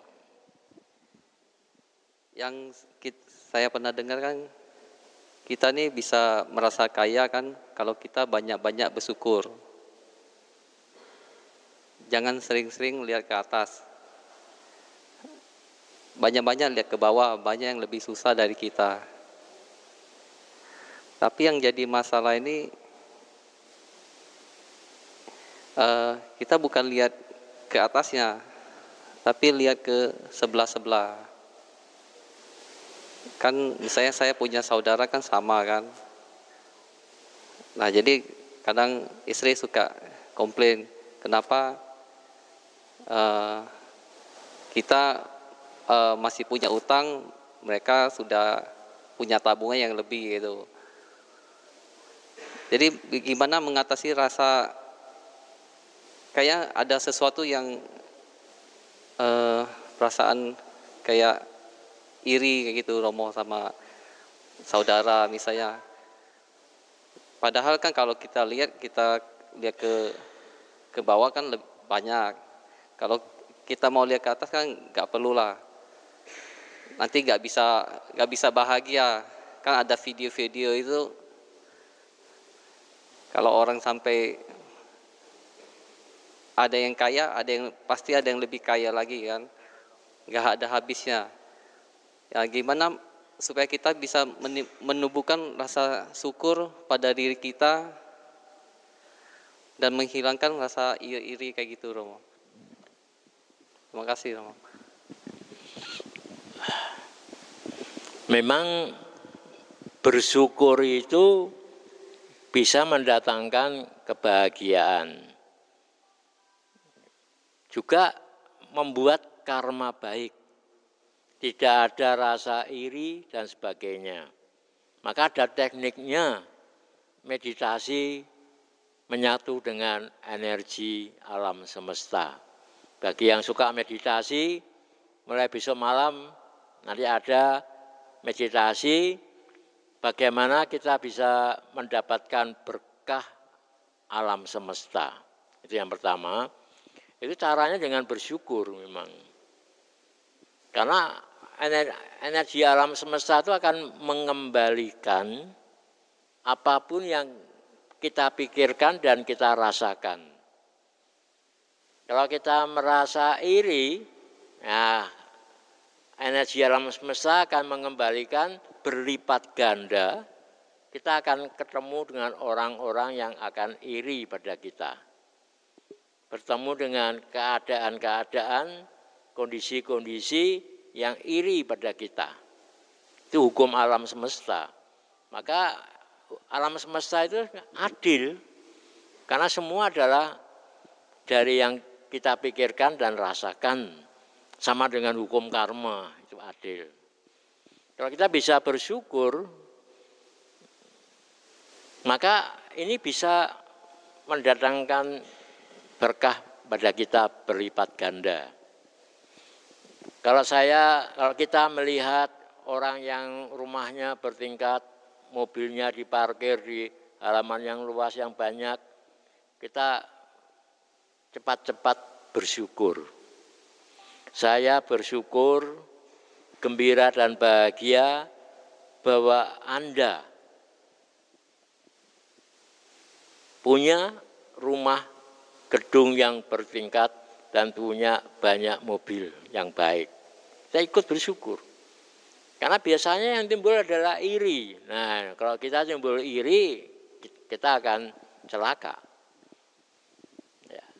Dengan bersyukur itu alam semesta akan mengembalikan berlipat ganda. Sama dengan kalau di Brahma Wihara itu mudita itu ikut bersimpati, ikut bahagia atas keberuntungan orang lain. Ini Brahma Wihara. Jadi kita bisa dalam kehidupan sehari-hari bisa menarik energi alam semesta melihat keluarga yang harmonis, kita bersyukur bahwa Anda, keluarga Anda itu harmonis, saling menyayangi. Ini akan menyentuh alam semesta, mengembalikan berlipat ganda. Kita akan ketemu dengan orang-orang nanti yang akan harmonis dengan kita. Itu rahasia alam semesta. Ya. Bagi yang ikut mulai besok selama enam malam ya, sampai tanggal 20 kita juga akan mempelajari energi alam semesta dan sebagainya. Jadi bersyukurlah bahwa kondisi saya apa yang saya miliki pada saat ini kita harus bersyukur.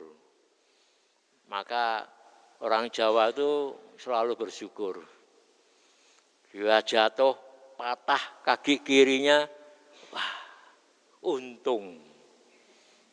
Saya bersyukur yang patah bukan yang kanan. Enggak patah dua-dua masih untung. Saya ini masih hidup. Untung terus, bersyukur terus. Jadi sehingga mereka tidak akan sangat menderita. Kalau menderita patah kaki ya tetap menderita, tapi tidak akan begitu menderita. Ya. Harus bersyukur terus. Saya punya sepeda motor yang sudah lama. Bersyukur dengan sepeda motor ini saya bisa pergi ke mana-mana, tidak perlu naik gojek, tidak perlu naik angkot, tidak perlu cari tumpangan teman sana sini. Bersyukur. Nah dengan kondisi bersyukur inilah rezeki itu akan datang. Datang. Ya. Seperti kalau kita ingin mendatangkan kupu-kupu, tanamlah tanaman bunga yang banyak, maka kupu-kupu akan datang. Ya, akan datang kupu-kupu itu. Malah bersama dengan capung, capung dan lain-lain. Ya, bersyukurlah. Itu kuncinya di situ bersyukur. Saya walaupun saya tidak bisa makan di restoran, saya tiap hari masih bisa makan dengan layak. Walaupun cuma bisa dua kali, tidak tiga kali. Bersyukur. Karena yang makannya cuma satu kali banyak. Yang tidak bisa makan juga banyak. Nah itu yang dikatakan melihat ke bawah. Kalau melihat ke atas itu memang bahaya. Kalau kita jalan aja melihat ke atas kakinya bisa kesandung, bisa masuk got. Jadi kalau melihat ke atas ini berarti kita ini akan menjadi iri. Jadi bersyukur tidak akan ada iri.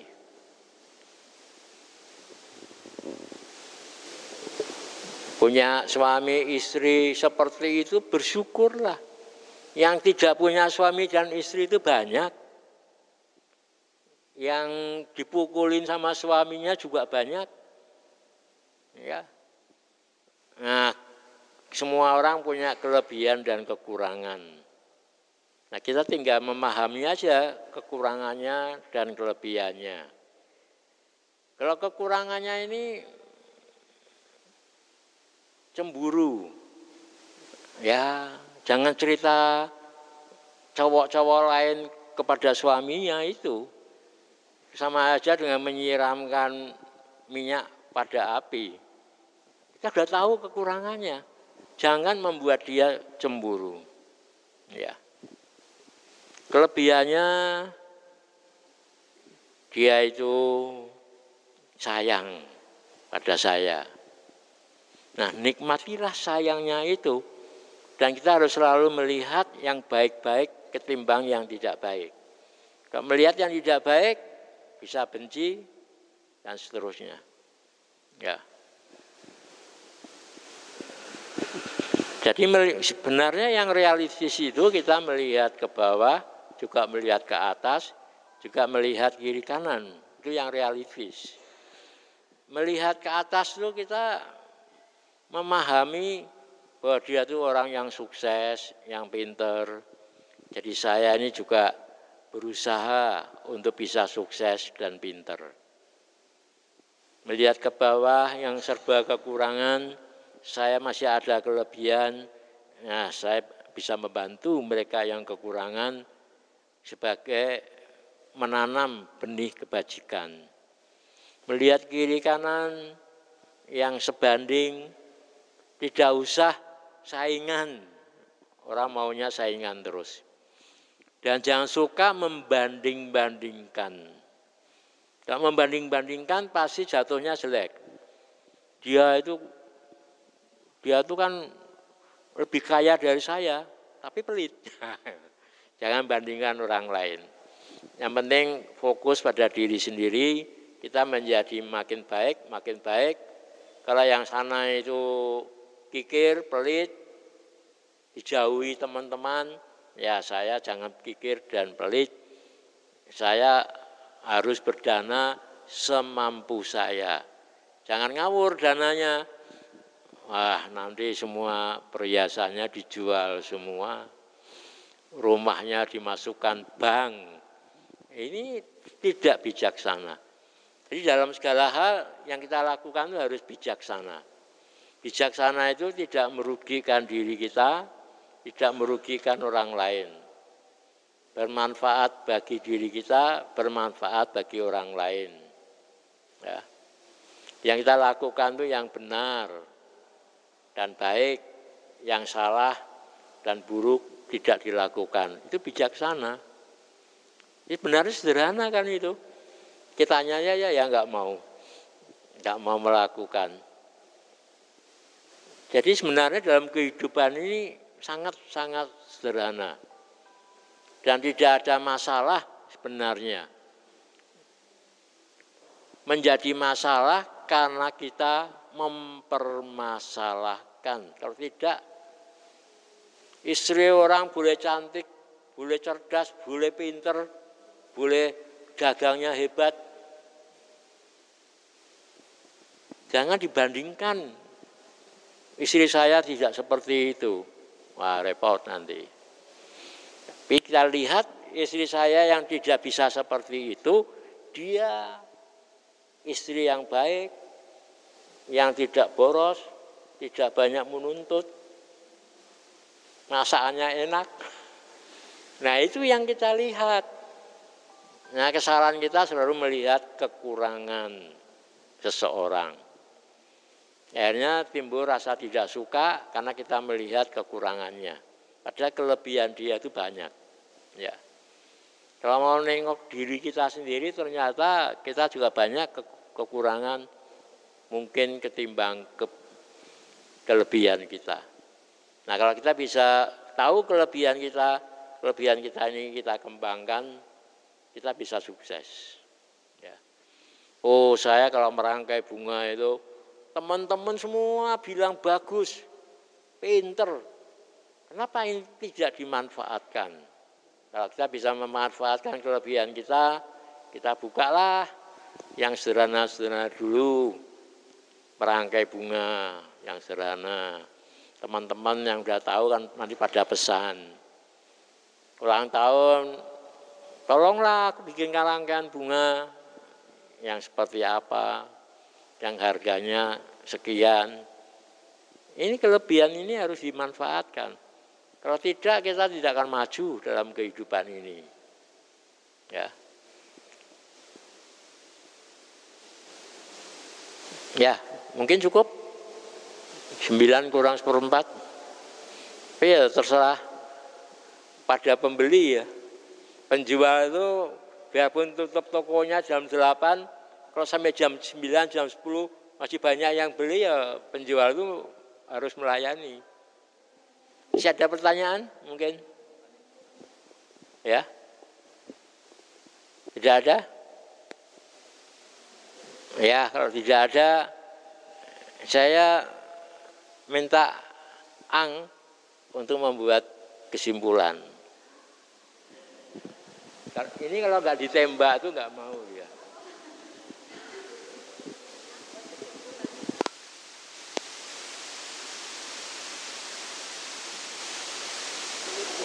proses.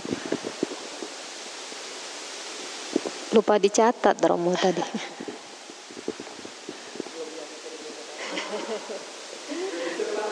Oh.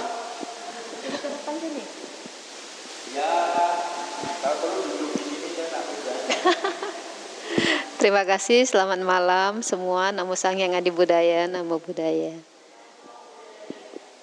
Terima kasih Romo sudah berbagi tentang bagaimana supaya kita bisa kaya dan kita bahagia juga.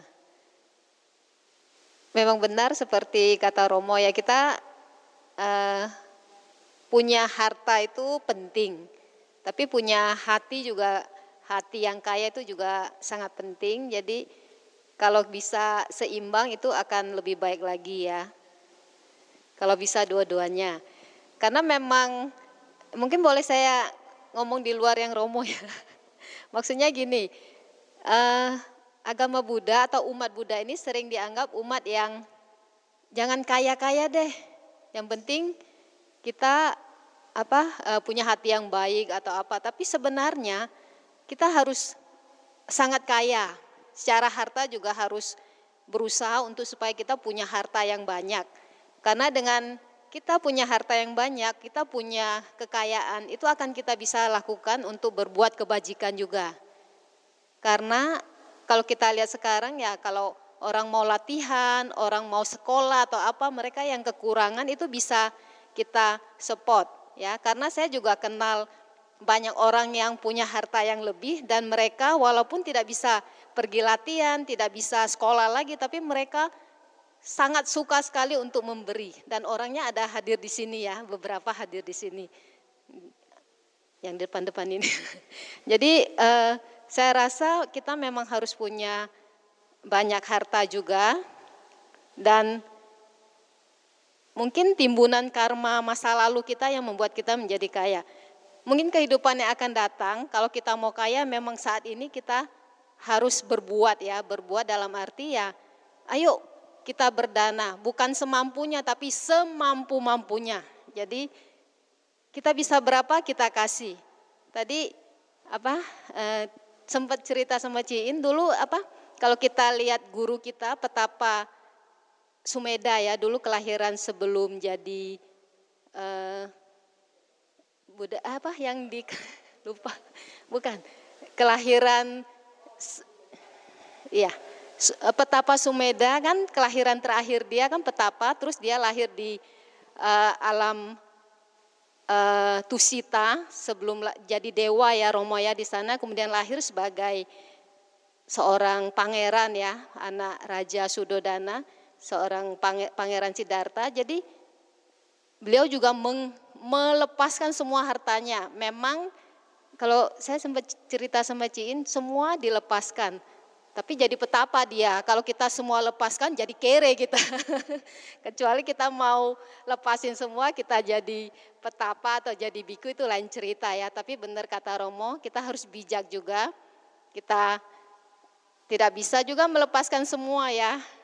Karena kita masih perlu untuk hidup kita. Kecuali mau masuk hutan kayaknya boleh lah ya. Kalau mau masuk hutan, eh, eh, apa hubungin saya, saya bantu tampung hartanya. Ya. Uh, jadi dengan kita kaya kita juga akan bisa bahagia. Tapi kalau kita secara materi tidak kaya kita juga harus tetap bersyukur. Seperti Romo Tek Tek bilang jangan lihat ke atas terus nanti jatuh ya apa kesandung. Tapi kita juga ketika kita punya mungkin kita harus bisa juga tetap melihat orang sekitar kita untuk bisa membantu. Kebanyakan Romo ya Cukup lah ya. Uh, itu saja. Jadi kita tetap tetap berbuat baik, juga tetap mengumpulkan harta jangan lupa. Jadi jangan takut untuk uh, apa uh, tidak punya harta ya, tapi dengan berdana, hmm, ya boleh. Ini uh, terakhir-terakhir kepikir ya, uh, kalau kita punya harta sekarang, terus mikirnya ngasih anak, semuanya mau dikasihin ke anak, terus kita pelit sekarang, nanti kita kehidupan yang akan datang kitanya yang kere nanti. Uangnya karena nggak dibawa kan, cara bawanya transfer ke kehidupan yang akan datang itu melalui melalui dana. Jadi kalau kita banyak danakan, itu kita ambilnya di bank kehidupan yang akan datang. Nariknya di sana gitu loh. Tapi kalau kita pelit berdana sekarang, terus semua diserahkan ke anak kita, terus kita meninggal, kita nggak bawa, terus yang kehidupan yang akan datang juga kita nggak nabung. Jadi nggak bisa narik di sana. Mau punya ATM nggak punya di rekeningnya kosong juga nggak bisa lihat ini. Terus kedua, yang untuk kita menenangkan untuk kita berdana sekarang uh, dan tidak semua diserahkan ke anak, karena anak ini juga punya timbunan karma sendiri ya Romo ya. Jadi kalau anaknya sekarang kayak yang nggak tahu bener hoax atau bukan yang ngomong Jackie Chan, arti, uh, aktor uh, itu, dia bilang kalau kita serahin ke anak, itu kalau anaknya itu mampu, sebenarnya nggak usah kita kasih juga dia bisa menghasilkan. Tapi kalau memang dia tidak mampu, apa pun yang kita kasih juga habis. Jadi mendingan kita yang coba berdana untuk bukannya egois ya, untuk kehidupan kita yang akan datang. Dan mungkin kehidupan sekarang pun kita nggak namanya memberi itu tidak akan membuat kita menjadi lebih miskin atau lebih susah. Itu aja dari saya. Terima kasih Cein. Kayaknya Romo mau tambahin. Oh, Oke silakan Romo. supaya tidak Anda tidak punya hutang. Kalau sekarang selesai Anda punya hutang 10 menit itu. Memang yang akan datang itu tidak pasti. Jadi kita tidak boleh berpikir pendek, orang tua pun masih butuh untuk kehidupan. Serahkan ke anak semua itu tidak pasti. Kita bisa digusur. Dah papa masuk masuk panti jompo saja anak-anak ini enggak sibuk semua, enggak ada yang bisa ngurusi papa. Ada papa sih ngurusi dia dari bayi dalam kandungan sampai dia dewasa enggak kepikir. Jadi itu tidak bijaksana untuk zaman sekarang. Kalau memang si anak itu baik, dibimbing, dituntun sehingga dia bisa sukses sendiri. Ya. Kalau kita serahkan semua, ini perjudian. Anak punya anak laki-laki cowok, istrinya belum tentu baik, belum tentu. Anak punya anak cewek, suaminya belum tentu baik. Ya ini yang berbahaya, yang belum tentu belum tentu ini. Jadi kita harus bijaksana, kita harus punya tabungan untuk kehidupan kita diserahkan semua, kita sudah dianggap tidak bisa memberikan sesuatu, orang tua ini bisa disia-sia oleh anak atau karena pengaruh dari istri atau suaminya. Ya. Yang kedua yang tadi disinggung soal pertapa Sumeda, itu adalah yang hidup pada zaman Buddha di Pangkara. Buddha di Pangkara itu Buddha yang keempat. Dengan Buddha Gautama itu Buddha yang ke-28.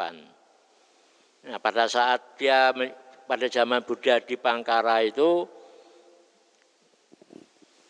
dia menjadi petapa semeda pada suatu hari Buddha di Pangkara itu akan e, lewat di dekat pertapaannya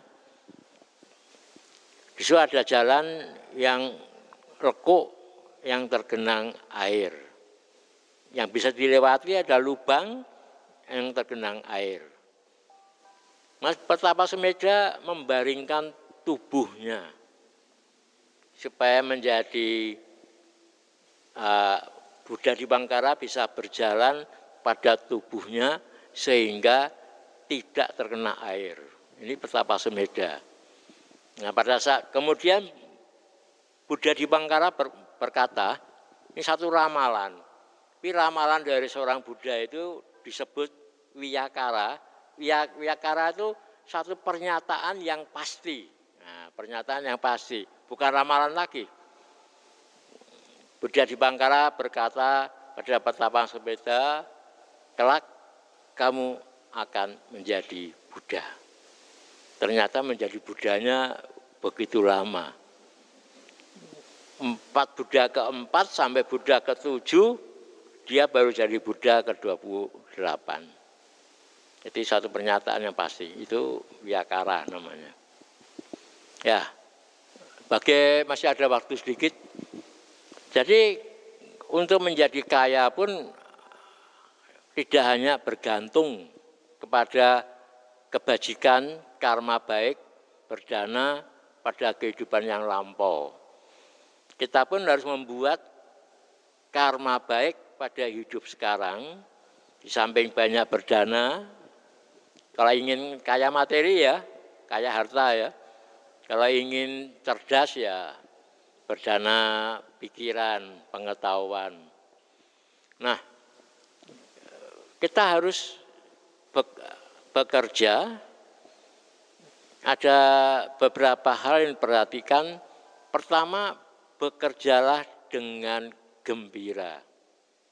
Apa pun yang menjadi pekerjaan Anda. Kalau Anda bisanya bikin empek-empek, bekerjalah dengan gembira. Bikin empek-empek dengan gembira sehingga hasil empek-empek ini akan enak, pasti gitu. Karena ada kasus dua orang wanita, satu yang kaya punya bahan roti yang kualitasnya tinggi-tinggi semua, yang ini bahan rotinya kualitasnya rendah semua karena dia miskin. Tapi ternyata setelah dibuat roti, yang wanita yang miskin ini rotinya yang enak. Padahal bahannya bahan yang murahan. Karena si wanita ini mengerjakan membuat roti itu dengan gembira dengan sukacita. Maka hobi itu penting. Kalau punya hobi bisa dijadikan pekerjaan. Dengan yang ini, walau bahannya sangat baik, dia mengerjakannya biasa-biasa saja. Ya, maka ini penting. Bergembiralah dalam melakukan apa pun pekerjaanmu.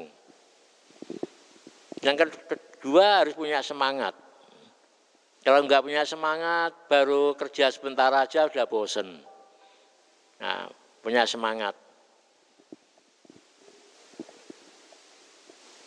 Kemudian harus kreatif, harus bisa e, memikir dengan baik bagaimana supaya pekerjaan saya yang saya lakukan ini menjadi lebih baik.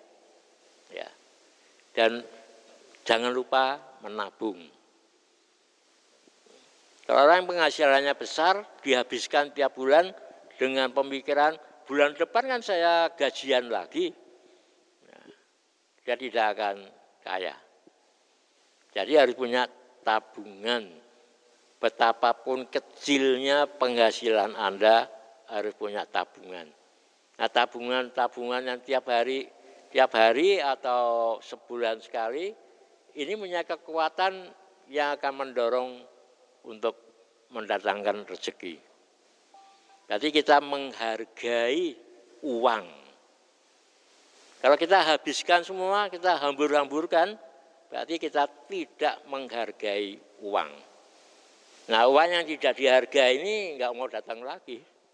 Ya, yang gini dihargai, mampunya kalau jualan harian bisa nabung seribu rupiah, tabung seribu rupiah. Dan ini jangan dicudii ya, jangan dibongkar untuk dipakai lagi. Nah ini akan menimbun, menimbun, menimbun. Ada rasa gembira, ini akan mendatangkan rezeki. Ya. Kemudian kita juga harus jujur. Jujur bisa dipercaya oleh orang lain. Jangan tidak perlu berbohong. Ya, berbohong itu nikmatnya hanya sebentar. Begitu ketahuan beritanya nyebar ke mana-mana, oh itu tukang bohong hati-hati. Ya, tidak pakai gula pasir itu, bikinnya kue, pakainya apa itu? Gula apa? Gula palsu apa itu? pemanis buatan. Nah, begitu ketahuan langsung. Ya. Kemudian ada empat hal yang penting buat orang yang paling penting pada saat ini adalah yang ada di hadapan kita. Di saat ini Anda semua adalah orang-orang yang penting, paling penting bagi saya. Anda pun seharusnya begitu. Saya ini orang yang paling penting buat Anda saat ini. Ya. Kemudian waktu saat yang paling penting adalah saat ini, saat ini. Ini yang paling penting. Yang sudah lampau tidak mungkin kembali, yang akan datang tidak pasti. Yang pasti itu saat ini. Mendengarkan dharma dengan penuh perhatian. Ya. Bekerja juga, juga sama. Kemudian sama dengan seorang sales yang datang ke sebuah toko, sebenarnya sales ini akan mendapatkan memberikan keuntungan bagi pemilik toko pelanggannya karena mulai tanggal 1 bulan depan harga akan naik dan pada pemilik toko itu diberikan kesempatan untuk bisa membeli dengan harga lama. Itu programnya seperti itu. Tapi ternyata sales itu didiamkan saja.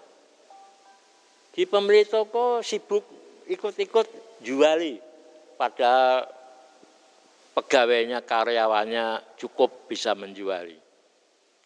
Jadi sih sales ini disepelekan. Sampai hampir satu jam, akhirnya sales itu pergi. Pergi tanpa pamit. Sehingga pemilik toko itu kehilangan keuntungan. Harusnya dapat harga lama, tahu tanggal satu itu akan naik. Dia tidak tahu, dia jual harga biasa terus, rame, rame banyak yang borong karena harga, bulan depan itu harganya dia masih harga biasa.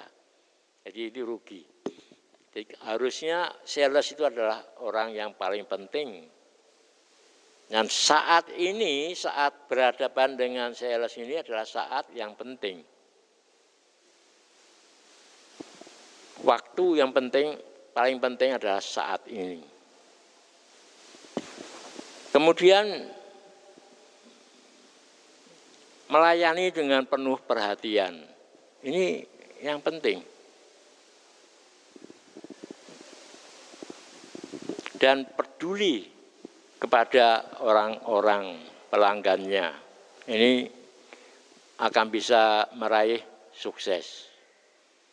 Karena ada cerita seorang raja yang dia melakukan perjalanan jauh akan menuju ke suatu tempat di mana sahabat baiknya itu meng, e, mengawinkan anaknya.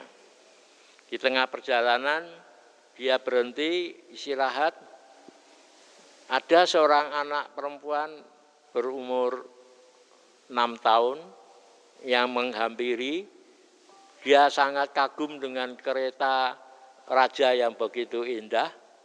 Ya, dia mendekat, raja membuka tirai, ada anak kecil umur enam tahun, perempuan yang memandang keretanya dengan kagum. Maka raja ini bisa memperlakukan anak kecil ini sebagai orang yang paling penting. Karena yang saat itu yang ada di hadapannya hanya anak kecil itu. Terjadilah percakapan. Dan raja juga mengerti bahwa saat ngobrol dengan anaknya adalah saat yang paling penting. Karena nggak bisa ngobrol dengan yang lain. Kemudian dia peduli kepada anak itu. Dan dia penuh perhatian.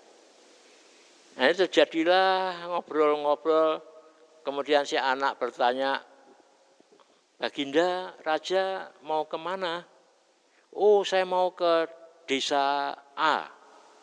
Wah, duh, Baginda ini sudah kelewatan sangat jauh.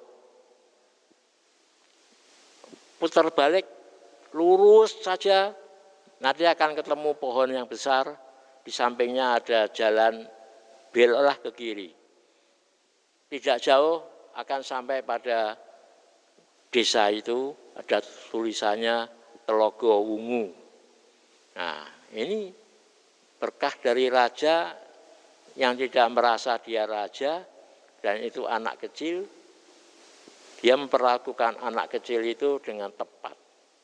Sehingga dia tidak akan nyasar. Kalau enggak bisa lurus lagi dia. Kemudian melihat anak yang begitu baik, anak kecil baik, cerdas, berbicara pun lancar, tidak dengan rasa takut-takut. Raja ini kagum. Maka dia berkata, saya akan ke desa itu, nanti sore tunggulah di sini saya akan menemui orang tuamu. Kamu akan saya ambil sebagai anak angkat saya.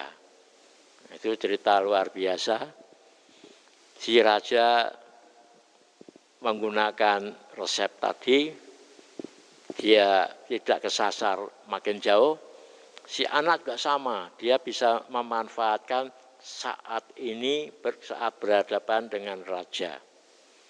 Kemudian dia menganggap raja itu orang yang paling penting bagi dirinya sendiri. Kemudian dia ngobrol dengan penuh perhatian dan dia peduli kepada raja sehingga bisa membantunya sehingga bisa sampai ke tujuan dengan lancar. Ya, saya kira cukup tambahannya lebih dua menit. Ya, saya utang dua menit, gak apa-apa. Enggak lagi, Terima kasih Romo untuk uh, dharmanya pada malam hari ini. Uh, nanti besok kita akan kumpul lagi. Nanti jam jam 7 ya. Besok sampai enam hari ke depan kita akan bermeditasi dengan dibimbing Romo. Dan jangan lupa hadir. Besok itu Romo akan memberikan meditasi yang membuat kita mendatangkan kekayaan. Jadi wajib datang ya. Karena Romo memang pernah ya, saya pengalaman aja, saya share sedikit. Nanti lewat lagi ya, satu menit aja. Dulu Romo pernah juga, kalau tidak salah di Sai Center ya, Romo ada mengajarkan satu meditasi yang bisa bagaimana mendatangkan ya uang lah ya atau apa gitu dan sebenarnya saya ada praktek juga sih dan bisa dilakukan. Jadi jangan tidak datang sayang sekali. ya ada berhasil. ya, jadi uh, untuk malam ini cukup sampai di sini. Terima kasih Romo, terima kasih juga semuanya sudah ikut hadir, sudah ikut belajar bersama, mendengar bersama. Sampai ketemu besok malam dan di depan sudah ada disiapkan snack, silakan dinikmati. Selamat malam, Namo Sang Yang Adi Budaya, Namo Budaya.